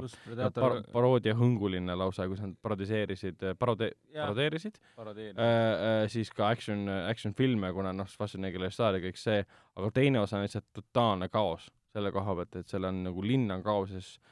Linnadžungel. linnadžungel põhimõtteliselt, jah. džunglis, teine oli džungel. et see on nagu, kui sa vaatad seda filmi, see Predator kaks on nagu palavikuline hullumeelsus ja Blown Away on sellepärast äge, et see on üks nendest filmidest, mis üritas siis muuta mm, Jeff Bridgesi, kes on suurepärane karakterinäitleja äh,, rohkem draamade poolest võib-olla siis äh, ja äh, mu-, muuta tema siis märulikangelaseks. ja, ja seal, see on põhimõtteliselt räägib siis äh, pommi pluss tähtis on mainida ka seda, et äh, see oli see aeg, kui ta veel habet ei olnud ees. jaa, siis kui ta nägi üsna veider välja, aga habetu. väga meeldiv samas. habetu Jeff Bridges film ise on jah, siis ähm, Tommy Lee Jones mängib seal ka väga veidrat äh, rolli, veits äh,, veits sarnaneb selle rollile, mis ta tegi siis ähm, Tim Burtoni, ei olnud, ei olnud, ei olnud Tim Burton, see oli George Schumacheri siis ähm, kolmas ah, Batmani jah. film, mis tuli siis pärast ähm,, pärast Tim Burtoni kahte esimest, seal ta mängis ähm, Two-Face'i äh,, veits on sarnane roll, kuidas ta jaburdab ja, ja et ta mängib veits hullumeelset tüüpi aga film ise on jah, pommidemineerijas, kes siis äh, ühel hetkel otsustab, et äh, aitab küll, et ma ei taha enam riskida, kuna mul on laps ja naine ja ikka vaja pere eest ka hoolitseda, aga siis muidugi viimasel hetkel ähm, selgub, et ta ei saa tööst loobuda, sellepärast ilmub välja salapärane pommipanija, kelle pommid on loodud selleks, et tappa põhimõtteliselt demineerijaid, need, kelle elukutse on neid äh, pomme kahjutuks äh, teha. ja selgub muidugi, et see on siis selle äh, peategelase minevikust äh, pärit tegelaskuju, sest ta oli kas kunagi IRA-ga seotud jaa, nad olid IRA-ga, see oli siis, kui siis USA tuli kätte maksma või? Eh, põhimõtteliselt küll, kuna tüüp, nad olid mõlemad IRA-s põhimõtteliselt äh,, panid äh, pomme äh, ja ühe pommi ajal siis äh, British tegelaskuju oli noor nagu IRA-s, siis ta otsustas, et äh, see ei ole õige, et me siin süütu inimest tapame, ta peatas selle, aga see pommiplahvatus siis tappis nende kaaslased ära ja siis Tom Lee Jonesi tegelaskuju äh, süüdistab siis teda selles ja, ja Jeff Bridges hakkab siis tema vastu siis võitlema äh,. ta on sellepärast fantastiline, et ta on noh, selles samas vaimus lavastatud umbes nagu mingi veits nagu Con Air ähm, Simon äh, Westi film Nicolas äh, Cage'i ja John Malkovich siis Steve Buscemi paljude teistega. ta on selline suurejooneline ja klassikaline, mul vahepeal tekib mingid täielikult sellised äh, imelikud nostalgiatunded, et ma tahan vaadata mingeid üheksakümnendate Hollywoodi filme. Umbes nagu Tommy Lee Jonesiga Vu- Vulkaan. mis tegelikult ongi nagu katastroofifilm, nii nagu Roland Emmerich neid tegi, mis räägib sellest, kuidas keset vist oli Los Angeles vulkaan oli kelle oma? ah,, Racer praegu, praegu ma ei äh, mäleta, aga film ise, film ise ma saan aru küll, mis sa mõtled, et see on see üheksakümnendate selline, kuidas, kuidas seda öelda, niisugune niisugune optimistlik ja niisugune rõõmsameelne et, action ja kõik on hästi äh, tõsine tulevad suured kokku- tunded, muusika on üle ja, ja, ja et mulle nagu see nagu meeldis äh, vanasti üheksakümnendate eriti äh, Hollywoodi nende blockbusterite puhul, et nad olid nii erinevad selles mõttes, aga samas ka nii sarnased. et siin oli veel, et Vulkaaniga samal ajal tuli umbes ähm, Dante, Dante Speak äh, Pierce Brosnaniga ja Linda Hamiltoniga. ja, ja, ja, ja Coneri ma juba mainisin, et siin oli veel John Woo's ähm, Face Off näiteks oli äh, enne Matrixit äh, linnastus äh,, aga oli kohati sama stiil nagu see on Matrix. see, põhimõtteliselt Face Off on see dokumentaalfilm tubidest. jah, võib ka nii öelda, et äh, John Travolta ja siis äh, Nicolas, Nicolas Cage. vahepeal lihtsalt tahaks, tahaks äh, uuesti kogeda neid filme, sest mina olen neid filme näinud äh, varasemalt äh, televisiooni vahendusel, kui ma noor poiss olin ja siis ma ei vaadanud neid sellise filmi teadliku pilguga, nüüd on päris põnev uuesti, uuesti vaadata. Aga sellega, kas sa vaatasid välja, kes Vulkaani reisijal oli? Mick Jackson Mick Jackson, mis ta veel teinud on? viimati tegi siukse asja nagu äh, Denial. okei, aa, see on tuttav film. Denial oli äh, Rachel Weisz'iga see draama, ajalooline draamafilm. sellest, kuidas äh, oli holokausti eitaja ah, ja okei. mindi kohtusse, sest holokausti eitaja ütles, et sa äh, põhimõtteliselt äh, määrid mu nime ja ma la- lasen su kohtusse selle eest. okei, okei, okei. jah, sellega piirdus minu vahepealne tavakogemus. muidugi Mick Jacksoni kõige popim film on muidugi ei miski muu kui Kevin Costneri ja Whitney Houstoni The Bodyguard. aa, no vot, see on tegelikult on äh, väga kõva režissöör. suurepärane režissöör. ja Vulkaan on tõesti nagu ideaalne üheksakümnendate film, et äh, see on Anne Edge ja oli ka seal jah? jah, täpselt. jaa, täpselt. umbes nii nagu End of Days vaatad, et see on ka nagu selles mõttes sama, sama stiilis loodud põhimõtteliselt Arnold Schwarzeneggeri film, kus ta saatanaga äh, võitleb ja saatanat käestas Gabriel äh, Byrne äh,, kohutavalt kämp film ja kohati kehv, aga nauditav täiesti ähm,. jah, sellega minu äh, vahepealse vaatamiskogemused äh, piirdusid, Hendrik äh,, räägi meile ka, mida sa sattusid televisiooni või voogedastuse vahendusel vaatama? sul on nii peened sõnad, voogedastus. No voogedastusplatvorm, Netflix. Uh, sellest Tšernobõlist ma väga palju ei hakka jahuma, ma arvan, et ma olen sinuga pigem nõus, et me saame teha nagu eraldi, eraldi, eraldi episoodi, või noh, mitte episoodi, vaid pisikese sektsiooni järgmises, järgmises äh, saates pikemalt rääkida, aga noh, nii palju saan öelda, et äh, jätkuvalt aasta parim seriaal, võib-olla viimaste aastate parimaid seriaale, et viimane kord, kui selline see, võib isegi öelda, viimane kord, kui HBO seriaal minus äh, tekitas nii tugevaid äh, võimsaid tundeid, kui seda oli Tšernobõl, siis äh, ma arvan, et äh, Westworld, mis on mul, Westworldi teine hooaeg on mul hetkel küll pooleli, aga täiesti, täiesti jumaldan seda äh, Westworldi seriaali. puhtalt selle nii-öelda loo esituse ja niisuguse krüptilisuse poolest. Tšernobõlis seda küll ei ole, aga tunne on täpselt sama, et kogu aeg on, kogu aeg on see vajadus äh, järgmise episoodi järele, et ma tahan näha ja tunda kogu seda teie kompotti, et see mm., mis te teete, on väga-väga maitsev.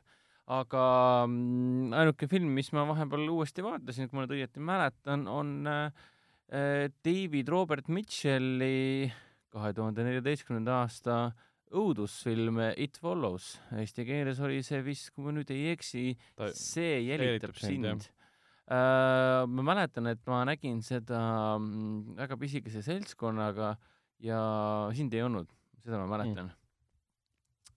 Ja üldsegi saalis oli vähe, vähe inimesi. PÖFFil, äh, et äh, see tegelikult jõudis Eesti kinodesse kümnendal aprillil kaks tuhat viisteist, nii et see pidi olema siis tõesti kaks tuhat neliteist PÖFF, ma eeldan mm, -hmm. pärast niikuinii ei ole. PÖFFil sai see nähtud, ma mäletan, et siis nagu selgus, et ei, väga ei meeldinud tegelikult. aga siis ma mõtlesin no, hiljem mulle küll kohe meeldis. Jah, mul oli vastane seltskond ka, kes nende arvamus justkui, justkui mudis mind arvama, et jah, ma olen nendega nõus, et see ei olnud eriti hea film. Äh, kergesti mõjutatav. kergesti mõjutav, manipuleeritav. aga hiljem ma olen seda ikka jätkuvalt mitu korda uuesti vaadanud ja, ja, ja täiesti võrratu, väga omas, omas stiilis ja omas kastmes tehtud õudusfilm, et kui sulle meeldib, kallis kuulaja, kui sulle meeldib äh, vaadata selliseid erilisi õudusfilme, millel on, millel on oma mekk ja oma, omad kuidagi selline tunnetus, originaalne tunnetus mm., et sa vaatad justkui mitte lihtsalt õudusfilmi, vaid sa vaatad nagu filmi, midagi, midagi, sulle meelega antakse midagi teistsugust, siis It Follows on just täpselt see, alates siis äh, Disaster Piece'i, see on siis äh, artist, kes selle muusika tegi ka, muusika lööb juba esimestes kaadites sisse ja see on see, see on see mäletad, see on see raiuv muusika mm, -hmm. see, see mõjub nii hullult ja kogu see kontseptsioon muidugi, Michael Monroe on seal muidugi väga hea ähm, peaosatäitja. aga noh, kontseptsioon seisneb selles, et, et ähm, on olemas niisugune teemonlik äh, needus, äh, mis, mis kandub edasi pärast äh, vahekorda. ja meie peategelast äh, peategelane neetakse siis ära sellega, et ta astub vahekorda ja siis poiss ütleb sulle, et äh, sina oled järgmine ohver. Äh, mina olen sellest, sellest teemonlikust ähm, yeah. hullumeelsusest vaba. Äh, ja kogu point seisneb selles, et ainult sina näed seda, mis sind jälitab aga kogu probleem seisneb selles, et see, mis sind jälitab, on erinevatel, erinevaid inimkujusid võttev olend. jah, see võib olla su surnud vanaema, täiesti võõras inimene aga point on selles, et sa näed teda kogu aeg sinule näed, lähenemas. aga, aga kõige hullem, kõige, ma vaatasin seda filmi, mõtlesin, et kui õudne tegelikult see olla võib eh,. ta jälitab sind aeglaselt mm, -hmm. ta mhm. lihtsalt kõnnib sinu poole ja ta kõnnib alati. ehk siis teisisõnu, sa võid kaks tundi äh, sõita lihtsalt kaugele, kaugele, kaugele ära, aga see on väsimatu äh, jõud, ta kogu aeg jälitab sind, sõna otseses mõttes it follows, see jälitab sind ja, ja kõik need stseenid, kus siis peategelane avastab, et keegi jälitab teda, kogu aeg kõnnib talle järele, see lakkamatu klaustrofoobi-, klaustrofoobiline? see on vale sõna. päris. see jälitum-, jälitusmaania tunne tekib selles filmis ülihästi, et ma nagu ülikiidan tegelikult tagantjärgi, et ma mm. tõenäoliselt paari aasta pärast vaatan veel uuesti. jaa, Mitchell on huvitav režissöör jah, ta tegi hiljem selle ähm, Andrew Garfieldiga see Under the Silver Lake, mis Eesti kinodes jooksis ka ähm, see ei jõudnud eriti kuskile, ütleme, levi osas eriti korjanud tähelepanu, küll aga noh, kriitikud ei olnud tema vastu helded, aga ta on omamoodi kujundanud endale niisuguse kultusstaatuse, et hästi veider film pidi olema. aga Eit Fallusega ma olen nõus sinuga, jaa, täiesti, täiesti uskumatult lahe, lahe film, eriti õudus, õudusfilmina, kus on nii lihtne teha seda, et sul on lihtsalt mingisugune koletis sind jälitamas, sa pead sellega võitlema, aga siin on see, et ta manifesteerub äh, sinu äh, hi suurimate hirmudena näiteks, aga mitte ainult, et ta on lihtsalt pigem see, et ta on mingi jõud, mis võtab mingi inimkuju, läheneb sulle, ise on ainuke, kes teda märkab, et pildides on midagi valesti. Äh, ja et sellest needusest jagu saada, sa pead leidma jälle järgmise inimese, kellega astuda seksuaalsesse vahekorda ja anda talle selle edasi. ehk siis muidugi kõik viitab äh, seksuaalselt ähm, edasiliikuvatele haigustele ja viirustele muidugi ja kuna filmis väga palju keskendutakse, ta vist oli aset ähm, Detroitis, äh, näitab seda Detroiti mahajäetust ka ja pigem ta nagu ühelt poolt toob sisse selle teema, et ähm, see, see tulevik, mida, või see isegi olevik, mida siis vanemad ja, ja, ja vanem generatsioon annavad siis äh, tulevasele, tulevasele põlvkonnale, et tulevik ei too neile mitte midagi ilusat ega, ega head, miski nagu kogu aeg kuklas, kukla taga sind jälitumas. väga mõjusa allegooriaga film, mis peaks, peaks kindlasti rohkem, rohkem nägema. Vot uh, lähme nende filmide juurde, mis alustasid eelmisel nädalal um, kinodes. Uh,, üks neist on jah, Lemmikloomade salajane elu kaks, teiseks on Godzilla kaks uh, koletiste kuningas. millest me juba eelmine saade rääkisime. täpselt, ja siis on õudusfilm Mamps ja alustas ka film nimega Humorist. Meie nägime ära siis nendest filmidest kolm, millest on Lemmikloomade salajane elu kaks, Godzilla kaks, millest me eelmine nädal rääkisime, ja ka Mamps Mampsi on ainult Hendrik näinud. äh,, aga mina ja Hendrik oleme näinud siis Lemmikloomade salajast äh, elu äh,. alustamegi sellest, et äh, esimene osa mulle omal ajal meeldis ja minu arust teine osa on täpselt äh, samas vaimus loodud äh,. väike kutsu Max äh, maadleb teiste probleemidega hoopis, hoopistükkis äh, aga mõnes mõttes üsna sarnaste probleemidega, ka siin alguses äh, mängitakse sama, sama teemaga, mis oli esimeses, et tal oli üks omanik, äh, omanik võttis uue koera ja siis Max tundis, et see teine koer võtab tähelepanu ära või ta ei kuulu tema perekonda, lõpuks ta võttis oma perekonda äh, ta omaks nii-öelda. Ja teises osas on samamoodi kohati, kuna tema omanik kohtub mehega, nad saavad lapse, alguses võtab last sellise peatungiva jõuga, kes ei tohiks tema nagu rahu rikkuda hiljem ta rikub tema rahu hoopis äh, teisel eesmärgil selle koha pealt, et äh, laps on laps ja Max tunneb, et ta peab teda kaitsma. aga Max peab loo jooksul aru saama, et, et mitte tema ei pea last kaitsma, vaid tema peab õppima, et maailm ei ole hirmus paik. ta võib hirmus paik olla, aga sa pead selles üle olema ja oskama selle vastu äh, võidelda ja, ja eestikeelne dublaaž minu arust töötas suurepäraselt um,. jah, originaalis siin jah, Chris um,, Chris uh, Rock uh, või ma olen segamini praegu Kevin Hart. Kevin Hart teeb siis selle Snowballi, Snowballi häält näiteks hullumeelne Jänku, äh, kes muidugi arvab, et äh, teises osas, tema on nüüd superkangelane keebiga ja puha, äh, kandes siis pidžaamat tegelikult. Jänku on parim tegelane. no vot, ja, ja muidugi superkangelased on populaarsed, et siin mitmes stseenis me näeme, kuidas siis Kutsu Max ja äh, äh, tema omaniku siis äh, pojake vaatavad superkangelase filmi telekast näiteks äh, ja muidugi videomängud, me näeme siin äh, kaklusmänge, mida siis Janku äh, Snowball äh, lumepallik, mis ta oli nüüd? jah. Snowball, lumepall äh,. mängib, et treenida ennast siis paremaks äh,. muidugi Chloe ja Gidget ja Gidget on äh, suurepärane, on tagasi äh, ja eriti just Chloe äh, kassid mulle, mulle meeldivad äh,. mulle meeldib just see, et nad jätkavad seda stiili, et kuna meil on hästi palju tegelasi, mul on, meil on ju see Crunch Duke, meil on Terrier Max mm siis on, siis on meil see valge Pomerianani tõugu, Gidget. ja, ja siis on see äh, ulu, ulumene kassikene Chloe, kes on ja. väga sassy ja no crazy lihtsalt. ja, ja meie, meie lumepall muidugi, Jenko on üle prahi lihtsalt, ma nii, nii armastan seda tegelast, kuna ta on see energiapomm nii-öelda, mida see film äh, ka vajab äh, ja need seiklused, mida, kuhu nad satuvad, on väga huvitavalt võib-olla isegi ja uus tegelane Daisy ka, see Tsitsu nii-öelda täpselt, täpselt, täpselt. näeb ka väga cool välja ja kuna siin on kaks erinevat äh, lugu, et üks, üks on lugu sellest, kuidas Max üritab hirmudest üle saada ja läheb siis äh, perekonnaga maale, kus ta kohtub siis äh, lambakoeraga, mm, kellele originaalis annab hääle Harrison Ford, kes talle elutarkusi jagab, ja siis samal ajal Gidget ja tema sõbrad ja äh, ja teised ja Chloe siis äh, Äh, äh, satuvad, äh, satuvad peale siis valgele tiigrile, kes viiakse tsirkusesse ja üritavad teda päästa. ja ühel hetkel need lood saavad omavahel kokku, et see oli, paralleeltegevust oli tore, tore jälgida, et siin ei olnud nagu tunnet, et nüüd lastele peab asja kuidagi lihtsamaks tegema ja väga otsekoheselt asju tegema. aga kus ma ei suuda ära kiita Marko Matvere hääle näitlemist äh, Äh, maal äh, koht-, maal nad kohtuvad siis selle karjakoeraga, kelle nimi on Kikas ehk siis Rooster, Harrison Fordi. Kikas on hea, hea tõlge muidugi. Kikas jaa, et seal oli see nali ka, et äh, minu joogikausi peal on siis äh, äh, kukk niimoodi ja siis koerakesed vaatavad, kas su nimi on kana siis või? Ma ei ole mingi kana. et Marko Vatvere teeb seda häält nii hästi, ta on nii sarnane Harrison Fordile, see karedus tema hääles. on küll tõesti. täitsa lõpp, et kuigi seal kohati läks selle koha just äh, juures, mida sa mainisid, see eestikeelne dublaaž nagu mööda, vaata. meie näeme kukke, aga me, kas me seostame kukke kikasega või? mina on ikka see Kikase kotlett on ju, kui ma nüüd ei eksi. mine ära, ma söön seda päris tihti. kukekotlett või? ossa.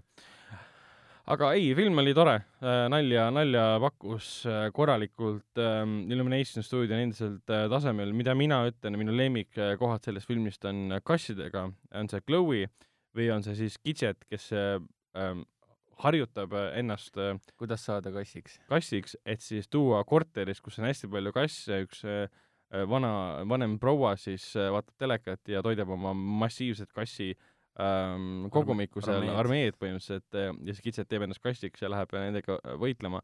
seal on nagu, nad on nii lahedalt suutnud välja mõelda kõik need võib-olla lemmikloomadele ja üldse nagu loomadele omased asjad, mida me ei suuda võib-olla ise naljakana enam näha, aga võtavad ette ja muudavad selle naljaks ja need tekitavad kõige paremaid olukordi.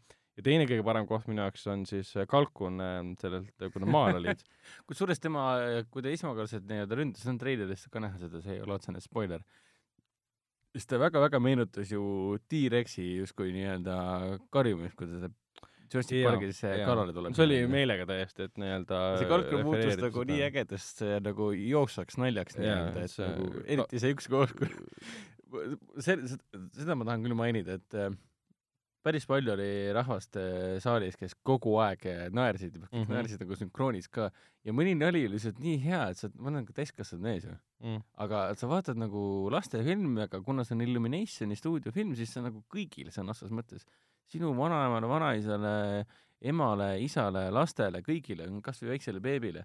et mõni nali on umbes selline, et sa naerad ennast ribadeks ära, tuleb järgmine tseen ja siis seda uut stseeni vaadates tuleb sulle meelde, et see nali oli, see nali eelmises stseenis oli ikka nii naljakas ja siis sa naerad edasi. jaa, see on, see töötas ed-, ed-, eriti sellepärast, kui keegi saalis jätkab naerimist, siis sa mõtled sellesama nalja peale, naerad ja siis edasi. see naermine on tegelikult ka nakatav, siis ma märkasin Jaa. küll, kui mina jätkasin naerma, siis ma kuulsin, kuidas keegi ülevalt reast vist Nojah. naeris ka selle peale, et mina aga see on ju naljakas, naermist. kui, kui see Max äh, peategelane suhtleb siis selle lambakoeraga, kes on äh, visa ja tark ja, ja, ja palju näinud äh, koer ja, ja siis tuleb temaga rääkima ja siis ta põhimõtteliselt äh, näeb, et puu taga on siis kalkun, kes peidab ennast ja karjub talle peale, et, et ma, kalkun jälitab mind kogu päeva, ta on kogu aeg siin ja ma ju näen sind, miks sa peidad ennast põhimõtteliselt. ma tean, et sa oled seal, mine ära, siis ta kalkun piilub teda. võib-olla kõige ehmatavam koht selles filmis on see, et ähm, äh, ma ei tea, kuidas inglise keeles võiks olla, aga siin on see, kui nad äh, lähevad ähm, äh, sinna korterisse, kus on see ratastooliga koer,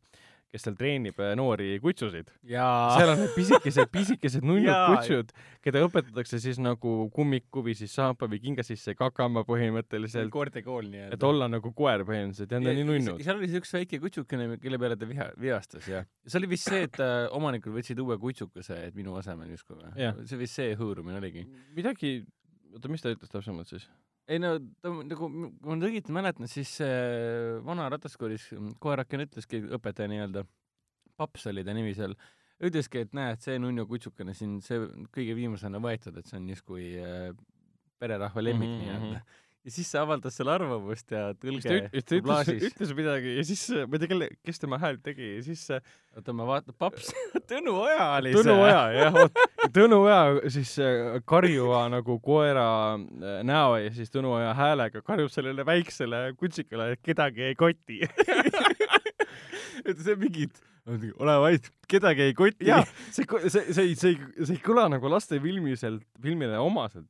Aga samas see pole vaata ropp ka tegelikult, aga samas see on veits solvav. see on eesti kõnekeel. No see on- noh, släng iga teine inimene kasutab seda. kui ma ütlen sulle, et mind ei koti, mida sa räägid, see on ka veits noh see, on väga negatiivne. negatiivne ja selline labane kõnepruuk. aga Aga- antud hetkel see oli nii üllatav ja nii sobiv kuidagi sinna. ta sobis nii ja võib-olla, võib-olla inglise keeles oli lihtsalt, et nobody cares umbes. aga hästi. nobody cares on inglise keeles hoopis teise tähendusega kui see, kui me ütleme, et mind ei huvita, mida sa räägid, et aga kedagi ei koti põhimõtteliselt jah, ühtib selle nobody cares äh, tähendusega, kui sa meenutad mingit meeme, kus SpongeBob paneb käed üles ja seal on kirjas nobody cares, vaata see on võib-olla samas, samas võtmes äh, loodus ja kedagi ei koti äh, äh, äh, väljendab seda minu arust suure, suurepäraselt äh,. Tõnu, Tõnu Oja esitus oli see, see, see üks sõna, lause oli ikka üle prahi ses suhtes. Ja seal oli neid palju nagu see väike lam- lammas kelle nimi oli Tups vist ah jaa tups kes kaduma läks ja siis see nagu film andis tuletas meelde et kust see väljend tuleb et ära ole lammas või kuradi see pagana lammas sa oled mingi lammas peast või? Sõna otseses mõttes siin oligi see üks väike lammas vaid oligi täielik lammas ses suhtes. Samal ajal kui kaks koera teda päästma lähevad siis tema istub kõige ohtlikumal kohal ja hambad äh, laiali ja mingi mina söön õuna. Jaa jaa jaa ütles, et ma tahaks, õige pea tahaks seda uuesti vaatama minna, sest ta on lihtsalt, ta on nii meelelahutuslik, see Lemmikloomade salajane elu, elu kaks, et soovitan absoluutselt igas vanuses inimesele, et kui sa tahad naerda ja sul on huumorimeel muidugi paigas, eel, eel, eeltingimus nii-öelda, siis, siis äh, viimati ma vist naersin, ma ei mäletagi, ma ütlen seda tõenäoliselt päris tihti, et ah, ma pole elu sees nii palju naernud ja siis ma mm. kaks nädalat hiljem ei mäleta, mis filmist ma rääkisin. aga aeg-ajalt tuleb meelde see, et eh, eelmise aasta film Operatsioon Overlord, Overlord mm, noh, kuna see oli niivõrd rammus äh, mõnuga tehtud B-film, siis, siis, siis ma mäletan, et kuivõrd palju ma seal seansil naersin. ja siis see nagu Lemmikloomade salajane kaks nagu tuletab seda meelde, et seda rõõmsat nagu kogu hingest naeru jah, täiesti, täiesti, täiesti nõus, aga räägi meile, kas äh, õudusfilm Mamps äh, pakub ka naeru? jaa, siin on, ta on tegelikult õudus, õuduspõnevik tegelikult rohkem või jah, psühholoogiline õudus, õuduspõnevik ja filmi režissööriks on äh, Tate Taylor Äh, kes ei olegi varem teinud ühtegi sellist äh, sellest me rääkisime tegelikult eelmises ähm, saates, kui me täpselt. tutvustasime. ma korraks, äh, korraks mainin siis üle, et ta on lavastanud selle Oscari filmi The Help mm -hmm. ja siis mhm. ta tegi ka Get on Up'i ja Girl on the Train'i aastal kaks tuhat kuusteist ja, ja filmi peaosatäitja on siis ei keegi muu kui Octavia Spencer, kes siis ka The Help'is oli, ta on mitu korda siis koostööd teinud selle äh, Äh, Tate Tayloriga. nägime teda hiljuti, hiljuti ka nüüd äh, Oscari filmis um, Shape of Water. jah, täpselt. ja, ja Spencer sai ka The Helpi eest ka Oscari. et äh, ütleme, et väga hull meeskond on kokku pandud, et teha ühte Mampsi nimelist õudukat. Oscari režissöör, Oscari näitleja teevad õudukat, kus üks ähm, proua läheb peast segi. Põhi-, ei, no jah, põhimõtteliselt küll. selles mõttes no, läheb, et lugu on ju sellest lugu..., kuidas ta röövib lapsed ei, mitte otseselt, lugu on pigem sellest, et äh, noh, peategelane ei ole tegelikult Mumps ise Octavia Spencer, vaid ta on ikkagi kõrvategelane, kõrvaljõud nii-öelda mm. -hmm. aga eelmises saates mainisime küll, aga korraks mainin üle, et äh, lugu seisneb selles, et äh, uus tüdruk tuleb siis väiksesse linna ja, ja sõbruneb teistega ja siis neil tekib ühel hetkel see probleem, et äh, tahaks nagu olla alaealine ja pidutseda, noh, koos alkoholiga nagu ikka sellised mitte veel kaheksateistkümneaastased teha tahavad ja noh, politsei on igal pool ja avalikus kohas on ikka nõme juua ja siis nad lasevadki sellel mampsil, kellega nad suvaliselt tänaval kohtuvad, et kuule, ole hea, ole hea, osta meile poest alkoholi, et me ise ei saa. no siis ta on nõus ja sealt tekibki see suhe, et kuulge, aga mul on siinsamas maja ja all on kelder ja siis hakkab seal algul see väik, üks väike sõpruskond ja siis tulevad ka hiljem juurde ja asi läheb aina rohkem käest ära, kui me saame teada, et kui kontrolliv ja tegelikult kui kurikavalate plaanidega ta tegelikult on äh,. ma ei ole päris kindel äh,, mind, mind erutas selle filmi juures rohkem vist see, et selle taga on äh, taaskord Blumhouse äh,, äh, kes on meieni toonud siis selle Assi tõid, ei, vabandust äh,, selle Jordan Peele'i äh, Get Out'i tõi ja börsiseeria, kogu selle patupuhastuse seeria on loonud ja nii edasi. Ass oli ka ju. Äh, Ass oli ka Blumhouse, kui ma nüüd ei eksi. jah, jah.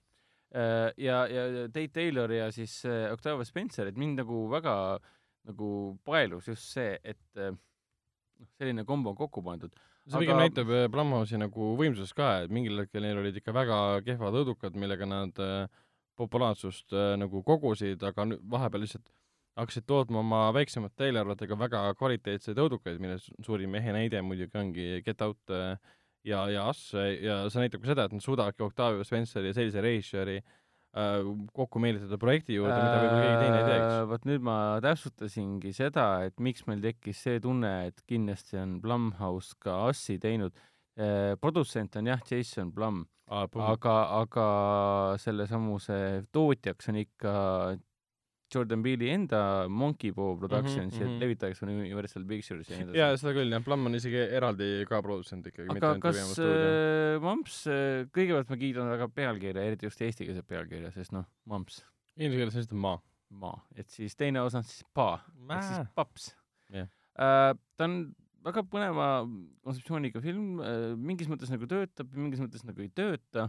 ühelt poolt jätab ta pigem tunde, et siin on nagu väga palju uh, suuri mõtteid või põnevaid käike justkui nagu välja jäetud, et eh, ei juletud olla liiga äärmuslik, sest noh, see kontseptsioon kuskil teise filmi teisest poolest justkui hakkab äh, vett läbi laskma ja ta ei lähe nagu julgelt lõpuni sealt, kuhu ta, mida ta alguses nagu esimeses pooles lubas.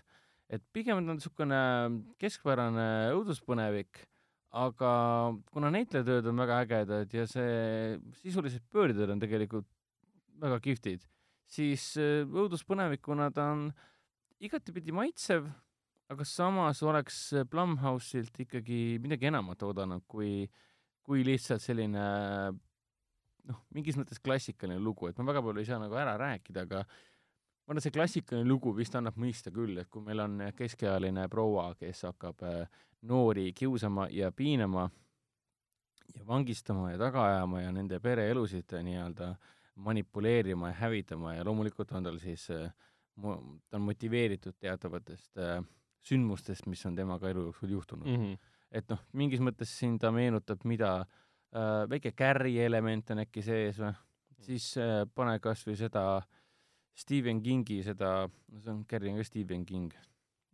äh,. issand, mis selle filmi nimi nüüd oli? see, kus ta sinna, kirjanik satub selle hullu fänni juurde Miseri. Miseri, natuke Miserit meenutab, ta on väga kingilik mingis mõttes mm, -hmm. Mhm. et kingi, kingi austajatele peaks film sobima. aga jah, pigem, pigem jään selle juurde, et äh, ta, ta ei, et mul on- sõnu jääb väheks selle kirjeldamiseks. samas ta ju, samas ikkagi töötab selle, selles ta võtmes, on et toimiv äh, õudukas, aga ta läheb nagu radari alt pigem sul on läbi nagu. harjumuspäratu, harjumuspäratu Jaa, selline jaa. antagonist ja, ja lugu tegelikult. kõige kihvtim ongi siis see, et sul on teenekas auhinnatud näitlejanna peaosas ja, ja teeme õudukat, siis iga endast lugupidav filmisõber vaatab, et jaa, ja kas lähme kohe kinno või? Mm. noh, loogiline ju. aga filmina ta päris, ta ei lähe ikkagi lõpuni nagu võiks minna, et ta on niisugune kuus-kümme film nii-öelda. okei okay., aga noh, ega neid õudusfilme praegu enne siin, enne sügist äh, väga palju juurde vist ei tulegi. võin praegu eksida, mul ei tule küll pähe, et midagi väga oodatud õudusfilmi tuleks ähm,. Um, okei okay,, ei Siin, tegelikult äh, äh, Scary- augustis, august, ei juulis, juulis tuleb, juuli alguses tuleb Midsommar ähm,. Adi äh,, Adi, ja noh, see Ari, Ari Asteri uus film see. nädal alustab ka Me oleme alati lossis elanud äh, õuduspõnevik ja jah, meil lähmegi siit, siit tuleb ka ju kohe see, okei okay,, jah, sügisel tuleb Iti teine osa ja ja see on, ma mõtlengi, et siin suve poole jääbki õudusfilmidest Midsommar. ja juuni lõpus tuleb ju Child's Play ka. ah õigus jah, ma, Mark Hamill siis lapse, lapsemäng nii-öelda. jaa, tõsi, tõsi. aga vaat siit ongi hea minna siis äh, sel ja nädalal muidugi ka Annabel tuleb koju. ah õigus jah, okei okay,, ma võtan kõik sõnad tagasi, nii. Lähme edasi nädala filmi soovituste juurde, õigus jah, Annabel on ka. ja, ja, ja, ja. aga see jäi, jäi ka sügise poole, juuli. juuli, aa jah. ja muidugi augustis tuleb Guillermo del Toro produtseeritud Scary Stories to tell in the dark. millest äh, tuli ka uus ähm, treiler äh, välja, mis mulle muidugi jätab mulje, et ma hea meelega oleksin tahtnud seda seriaalina näha, tundub, et see asi töötaks paremini. Aga mm, sel nädalal jah, nagu Hendrik juba mainis, alustavad siis äh, film nimega Me oleme alati lossis elanud, mis põhineb äh, Shirley Jacksoni samanimelisel põnevusromaanil. Shirley Jackson on sama autor, kelle varasemal romaanil, mis eelnes siis sellele, sellele filmi, sellele raamatule siis The Haunting on Hill House selle põhjal tehti siis hiljuti Netflixi seriaal, samanimeline seriaal, mis on äh, meistri teos äh, kuubis, eriti mis puudutab äh, õudust ähm,, sest ta ei ole lihtsalt õudusfilm, õudusseriaal, ta on äh, suurepärane psühholoogiline draama traumast, aga läbi õudusfilmi äh, õudus, õudusžanri ähm,. lisaks äh, liitub äh, meiega siis äh, X-mehed Tume Phoenix, X-men Dark Phoenix, mis on siis jah, nüüd kahe tuhandel aastal alguse saanud X-meeste frantsiisi kaheteistkümnes osa, ta on siis äh, kaksteist või? jaa, põhiseeria seitsmes film ja ühtlasi ka siis Foxi loodud siis X-meeste senise brändi viimane film, sest pärast seda filmi tõenäoliselt Lawrence, Jennifer Lawrence'it, James McAvoy'd, Michael Fassbenderit, Sophie Turnerit me enam nendes rollides ei näe ja paljusid teisi, Nicolas Holti. kuigi see on väga kahju, sest äh, Fassbender, McAvoy äh,, Stewart ja McKellen Jaa. on selle nii ära raiunud en- endasse, Jaa, see ongi just need rollid äh, justkui kuuluvadki neile siis. kui nagu X-mehed uuesti algasid äh, pärast X-men, X-men Wolverine'i, mis oli niisugune äh, kuidas nüüd öelda, läbimõtlematult tehtud lahe action film ähm,. ja siis tuli nagu James Mangold tegema The Wolverine'i, mis oli nagu okei okay, äh,, ta oli väga okei okay.. ja siis jah, X-meeste põhiseeria sündis nagu uuesti tänu X-men, X-men First Classile, Matthew, Matthew Vaughnile, kes seda lavastas. ja siis tuli sinna otsa Brian Singeri siis äh, Days of Future Past, mis oli suurepärane film. ja siis tuli Apokalüpsis, Apokalüpsis, mis ei olnud enam üldse mis ühte oli niivõrd laisk ja noh, pärast seda, kui sa oled ikka First Classi ja of Future Past ära vaadanud ja mõtled, et jumal, hoia, nagu Matthew Vaughn'i ja selle äh, Brian Singeri koostöö tulemusena on sündinud nii värske ja nii äge, et minu meelest see Days of Future Past on ausalt nagu üks, üks mu lemmikumaid superkangelasfilme üldse. on tõesti, muidugi Nagu- teda nagu raske vaadata, kui sa ei tea varasematest ega sealt järgnevatest filmidest No, mitte midagi. seda enam aga miskipärast, ta sest on jah, väga ta on väga kvaliteetne. sõltuv umbes nii, et kui sa, sa ei saa vaadata tasujate viimaseid osi ilma Jaa. teisi nägemata, et mis sa sellest äh, Endgame'ist või siis äh, eelmisest äh, tasujate filmist nagu vaatad, kui sa nagu no seda küll jah. aga noh, Tume Phoenix, selle režissöör ei ole enam ei Matthew, Matthew Vaughn ega siis ka Brian Singer, kes viimased ähm, kaks filmi meile, meieni tõi, see režissöör on Simon Kinberg, kes on selle seeria äh, üks põhilistest äh, stsenaristidest olnud, ehk siis ta läbi lõhki ähm, tunneb neid äh, tegelasi. aga sul on õigus jah, James McAvoy ja Jennifer Lawrence ja siis Michael Fassbender on need rollid väga enda omaks teinud ja Fassbender on niivõrd vapustav näitleja, et isegi kui Apa-, Apocalypse oli kehv film, siis ta suutis oma rolli väga meeldejäävaks äh, muuta, aga jah, Tume Phoenix jätkab siis äh, Ap- Apocalypse'is äh, sisu, mille lõpus siis me nägime jah, Sophie Turner kehastatud ähm, Jean Grey äh, muutumist ko- ajutiselt korraks siis äh, tumedaks Phoenix'iks, eks. miski, miski, miski eriti võimsalt on temast peidus ja, ja on- uues filmis see siis ta on nagu telepaat ja nii edasi, tal on erinevad võimed, ehk siis tuleb asju liigutada ja no ta hävitada on väga Xaverlik selles suhtes. jah, aga tal on jah peidus siis teine pool, et seda kunagi siis käsitleti ka siis esialgse äh, Brian Singeri loodud siis selles äh, X-meeste triloogia kolmandas osas, mida lavastas äh, Brett äh, Ratner, mis oli kehv film puhtalt äh, mitte sellepärast, et oleks kehvad osatäitmised olnud, kehvade, kehvade valikute tõttu, et ta muutis mingid asjad nii jäädavalt ära, et ei jätnud mitte ühtegi akent lahti, et ta tappis seal tegelasi ja umbes niimoodi, aga jah, esialgu Famke Janssen kehastas Jean Grey'd ja, ja, ja, ja muutus ka Phoenixis, kus siis, siis äh, Wolverine ta ära tappis. äh, suure, suure tragöödia taustal. aga jah, uues filmis äh, tema äh, üks, üks X-meestest äh,, temast saab siis äh, X-meeste suurim, suurim vaenlane. ma olen selle filmi kohta väga palju sellist äh, viha lugenud ausalt öeldes, erinevad saidid suhtuvad sellesse täiesti äh, külmalt ja juba eoses eeldavad, et see tuleb halb film, aga noh, ma eeldan, et äh, kuna see nüüd äh, tõesti Foxi oma saab läbi ja, ja Marvel palkab uued näitlejad, tõenäoliselt teeb uue seeria, liidab need tegelased kokku äh, Marveli senise universumiga, mis edasi areneb kogu aeg äh,, siis see on tore vaadata, et ikkagi minu lapsepõlve superkangelase filmid, et mina vaatasin neid ja, ja Spawni ja, ja, ja ma ei tea, mis see TV1 pealt jooksis äh, äh, saksofoni mängiv autoga Nightman. Nightmani vaatasin ja, ja Zorrot ja aga X-mehed oli minu jaoks esimene, mingi VHS-i kasseti kuskilt laenasin ja ega kaks tuhat ma seda kinos vaatamas kindlasti ei käinud, ma olin liiga noor selleks. aga mm, sel nädalal alustab veel Rocket Man, millest me oleksime võinud rääkida ka tegelikult. jätame selle järgmise nädala peale või? õigus, me oleme ju kõik näinud seda. oleme Rocketmani ka näinud. praegu vaatan, õigus jah, õigus jah kuna ta on selle nädala film, siis me võime ka järgmine nädal sellest rahulikult rääkida. uh,. Pole nagu hullu. nii palju ütlen, et see on palju parem film kui Bow-Rap, täiesti ehk nõus. siis äh, Brian Singeri ja äh, Dexter Fletcheri film äh, Queen'i äh,, Queen'i elust äh,.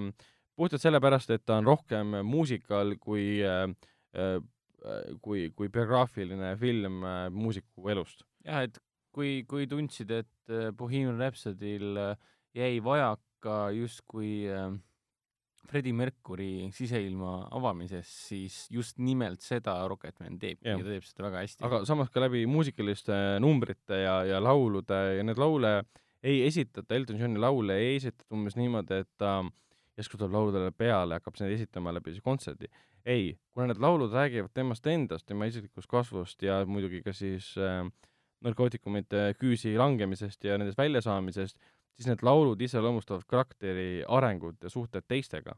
ehk siis seda ju tegelikult hea muusikal teebki Jah. ja isegi režissöör ise oma otse intervjuudes on öelnud, kes on jälle Dexter Fletcher muidugi, kes ka Bow-Rapi tegi ähm,, on öelnud ka, et ta võtab seda filmi rohkem muusikaline kui siis ähm, äh, bio- biograafilise filmina. ja mulle ta väga meeldis, minu arust see on väga õnnestunud film ja väga suure südamega ja väga ja, emotsionaalne. ja Taron Egerton teeb väga hea rolli. jah, mõnes mõttes ta teeb üsna sama, sarnase rolli muidugi Ra- Rami Malekule ka, et ta võiks vabalt jälle Oscari selle eest saada. et, ta ei tunne kohati selles rollis ära, pluss ta laulab ise. jah, see on muidugi võtme, võtme, võtmetähtsusega erinevus. Mis muidugi tekitab mulle nagu küsimuse ka, et kas kõik Hollywoodi näitlejad oskavad nii suurepäraselt laulda või nad trennitakse välja. mida neile sisse söödetakse, et No nad siis lõpuks laulma hakkavad nagu maailmakuulsad lauljad? jah, et sul on, keda nad näitlevad. Queen'i puhul ma saan aru, et sa ei saa panna näitlejalt laulma nii nagu Freddie Mercury, see on võimatu see on teaduslikult tõestatud. aga sa, aga sa paned Taron Egertoni laulma nagu Elton John põhimõtteliselt, see on see, et okei okay,, Taron Egerton võib siis Elton Johni välja vahetada ühel hetkel ja hakkab, jätkab albumitega või nojah, noor mees ju lasku käia. põhimõtteliselt küll, aga see alati nagu mind hämmastab see, et jah, kui tulevad äh, filmid muusikutest järelikult äh, tuleb kohe valida peasse inimene, kes reaalselt oskab äh, suurepäraselt laulda ja ta suurepäraselt välja. aga jah, Rocketmanist äh, räägime järgmine nädal rohkem, aga sel, sel nädalal tegelikult jõuab kinodesse ka Take That Greatest Hits live, mida saab näha Foorum, Foorum Cinemas kino, kinode ees. Hendrik, mõne sõnaga pikemalt, mis, mis seal publikul osaks saab? Täpsemalt tegelikult äh, ainult Coca-Cola Plazas, tegemist on ko-, otseülekandega, toimub ta siis kaheksanda juuni ehk siis laupäeva õhtul. Kell kümme algab, see on siis ikkagi äh, otseülekanne, nii et äh, hiline kestvusaeg, hiline algusaeg ei tohiks tõelisele fännile probleem olla, aga tuleb siis ainult üheksa õhtuks kinodesse ja see on siis nende mm, selleaastase äh, kontserttuuri, Greatest Hits tuuri, see on nii-öelda kauaoodatud viimane suur, Suurbritannia kontsert, kus siis äh, nad võtavad kokku oma nii-öelda kolmkümmend aastat kestnud, kestnud äh, karjääri mm. justkui, see ongi nii-öelda nende, nende enda suur tähistamine, fännide tähistamine, nende enda tähistamine ja kogu nende karjäär ja parimad lood tulevad esitamisele laupäeva õhtul kell, kell kümme. Ja Aga- mida, mida meil veel head on juba homme, juba viiendast juunist algab siuke tore asi nagu kinoklassika juuniversioon ja mida me näitame juunis, On English motherfucker, do you speak it? täpselt, ei tohi ropendada tegelikult, see aga on okei okay.. tsitaat filmist. aga me näitame muidugi Pulp Fictionit. ja viiendast juunist algab kõigil äh, juuni kolmapäevadel saab siis filmi nautida äh,. Mina isiklikult ei ole Pulp Fictionit kunagi kinos näinud, mistõttu me oleme nüüd kindlasti sel nädalal äh, ehk siis kolmapäeval kohal seda ka vaatamas kindlasti, et äh, muidugi saab vaadata filmi iSense'is mm. -hmm. ehk siis äh, Plaza suurimas saalis, et äh, ei ole parimat kohta, kus seda filmi vaadata äh,, mis ta kestis umbes kaks ja pool tundi, et äh, mina isiklikult olen filmi ikkagi väga palju näinud, aga hullult ootan seda võimalust näha nagu suures saalis. jaa, sest äh, selliseid äh, filme ikka suurel ekraanil vaadata on hoopis teistsugune, sa märkad mingeid teisi detaile, sul on selliseid segajaid oluliselt vähem, kui sa vaatad seda kuskil Netflixist või, või telefoniekraanilt või lihtsalt suuremalt ekraanilt äh,. ikkagi kinoekraan ongi selleks loodud, et sa lased ennast sisse tõmmata, et sa näed kõiki neid detail- detaile, mida äh, Tarantino tahtis, et sa nagu märkaksid. seetõttu ma olen küll kinoklassika puhul avastanud, et kui ma vaatan mingeid asju uuesti äh, kinos äh, nüüd esimest korda, ma nagu vaatan täiesti uue pilguga. jaa, Ja niimoodi, niimoodi oli Blade Runneriga ka näiteks. Blade Runneriga ja isegi jaanuarikuu kinoklassika kaklusklubiga oli enam-vähem sama, et ma nagu nõus. nägin filmi hoopis teistmoodi, et, et nagu varem pole nagu niimoodi suutnud äkki nähagi korralikult. aga nüüd ma mainiks ka seda igaks juhuks ära, et meil on novembrikuuni on tegelikult ka täitsa paika pandud ka ülejäänud kinoklassika filmid, et Mm. äh, juulis me näitame muidugi legendaarset Matrixit uuesti, ongi nii? Peagi lähevad esilinastuse piletid müüki. sa näitad, äh, mis, mis saalis seda, kas see on juba selgeks saanud? ik, ikka suurimas saalis. okei, mul õnnestus see on ikkagi Matrix. minu jaoks on siis juba lähikuude jooksul teine kord, kui ma seda näen, sest ma vaatasin seda ka HÖFFi suures, suures saalis, kus muidugi heli oli kohati metsas, nii et hea meelega vaatan uuesti öösel saalis. meil peaks olema 4K variant, nii et siis väga ilus heli ja väga ilus pilt no.. ja augustis muidugi äh, Ben Afflecki, Matt Damoni ja Robin Williamsi väga armastatud äh, heasüdamlik draama, võib vist öelda või äh,? Good Will Hunting. ta on heasüdamlik draama tõsistest teemadest. ja hea Will Hunting äh,, seda ma isiklikult ootan ka väga, seda ma ja vabandust väike nohu on natukene et eriti just äh, Williamsi pärast, et äh, kõik, mis puudutab Williamsit, äh, siis tahaks nagu uuesti kogeda tema loodud headust. septembris võtame kätte ja näitame Jack Nicholsoni krimifilmi Chinatowni. aa, vot, vot, vot. Rom-, Roman Polanski. ja, ja, ja oktoobris näitame filmi, mida on ka Eestimaal varem näidatud, sest tegemist on ikkagi väga kireva ja suure filmiga, ehk siis Rocky Horror Picture Show Nice. Nice. kas mitte see Rocky Horror, Horror Picture Show oli ühel viktoriinil ka küsimus, et mis on kõige kauem kinodes olnud film? ja, ja Rocky oli, Horror jah. oligi see, et ta on siiamaani põhimõtteliselt kinodes USA-s. ja siis et... vist iga kuu näidatakse mingit mingid tas, no, tasuta seansse põhimõtteliselt. tasuta seansid või teatud tüüpi kinod lihtsalt näitavadki vanemaid asju, klassikalisi äh,. väga, väga äge line-up peaks ütlema. ja, ja november, detsember on veel äh, saladus, aga novembris näitame kõige esimest Terminaatorit esimest Terminaatorit, teine Terminaator eelmine aasta alles jooksis. aa, õigus jah. see oli ametlik äh, kinoreliis nii-öelda, kinolevi mm. -hmm. aga nüüd me näitame esimest Terminaatorit, sest ei tasu kunagi unustada, et Terminaator kaks võib olla kõigide blockbusterite isa ja emme ja vanaema, mis iganes veel, aga, aga esimene Terminaator on ikka niisugune võrreldes teise osaga kõhe õudusfilm kohati. on, on tõesti. ta on hoopis teistsuguse tunnetuse ja vibe'iga, et äh, taaskord äh, suures kinosaalis seda vaadata on noh, võib aga, võib hakata rahulikult mõtlema asjadele, äh, mida veel teha, enne kui õndsalt surra. ja noh, Terminaator on üks wow. nendest wow.. Teil on läks pimedaks, läks tumedaks. Teil on hea ajastus, sellepärast et uus Terminaatori film äh, Süng ja saatus on ka tulemas. et inimesed saavadki värskendust, värskendust esimese osa abil, sest ka uue filmi, uue filmi produtsent on James Cameron ise ja esi-, Singe saatus juba alustab esimene november, nii et kuu on igatipidi õige oh,. jaa. Viimase soovitusena siin Eesti kinodes alustab nüüd ka Mid-90s, mis on siis Jonah Hilli režii debüüt, räägib rulatajatest üheksa, üheksakümnendatel film ise tundub, ei ole veel näinud muidugi, tundub olevat niisugune ilus heasüdamlik pooleldi nagu seiklusfilm noortest ja nende eludest ja vabadusest ja kõigest sellest äh, äh, aga see, et Jonah Hill on selle filmi taga, on päris äge, sest kui see film esine astus äh, erinevatel festivalidel, siis Jonah Hill andis nagu mõista, et kuulge, ma ei ole enam see äh, noh, ta ise ütles seda umbes, et selline tüse naljamees, kes teeb kuskil nalja ja häbitud asju põhimõtteliselt äh, ja ma olen tõsine, tõsine režissöör ja väga-väga tore on seda, on seda näha um,. Netflixi tuleb nüüd viiendal äh, juunil äh, Blade Runner äh, kaks tuhat nelikümmend üheksa. tuleb, tuleb uuesti vaadata. mis, ma olen seda kinos kolm korda vaadanud ja nüüd vaatan hea meelega uuesti ka. ainult kaks korda. oi, oi, oi. ja nüüd ähm, Telia HBO-s soovitame vaadata muidugi Tšernobõlit endiselt edasi. ei ähm,, ei, ei väsi soovitamast. ei väsi soovitamast ja Amazon Video Prime'is, sinna tuleb nii harva uusi asju äh,, aga Good Omens on endiselt suurepärane asi, ma olen esimest osa vaadanud ja Kuidas väga oli? Väga värviline, quirky ja niisugune fun apokalüpsise seriaal, kuidas siis äh, ingel ja apokalüpsise seriaal? jah, nad üritavad apokalüpsist peatada. Ah.. ehk siis äh, ehk siis Kilgrave ja, ja mees, kes vestles ähm, Nixoniga. ehk siis Michael Sheen mängis Frost Nixonis äh, Frosti, kes tegi vestluse, Ron Howardi film oli see Äh, tegi vestluse Nixoniga ja siis äh, Kilgrave'i näitleja, tuleta nüüd mulle meelde. David Tennant. David Tennant mängis Jessica Jones'is äh, no, Kilgrave'i. meie jaoks on Jessica Jones, ülejäänud maailma jaoks on äh, Doctor Who, et äh, jah, kusjuures siit on hea mainida seda ka, et Jessica Jones'i kolmanda hooaja ehk siis viimase hooaja äh, kuupäev kuulutati ka hiljuti välja. on see nüüd juba suve lõpus äh,? nüüd neliteist, neliteist juuni juba. juuni või? jah ossa et ta on üsna, üsna, üsna pea meile, meieni jõudmas. aga jah, ta pandi, pandi kinni äh, sarnaselt kõikidele teistele siis Netflixi ja Marveli ühisseriaalidele, sest Netflix või noh, Marvel teeb oma asju ise oma Disney äh, plussis.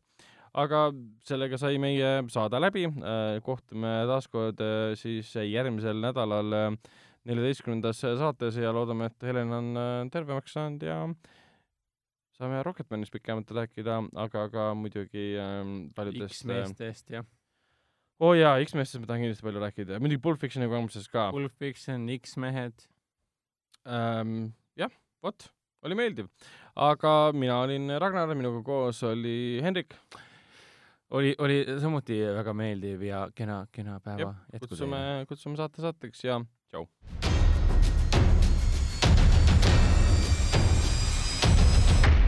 Kinoveebi Jututuba podcasti toob teieni Foorum Cinemas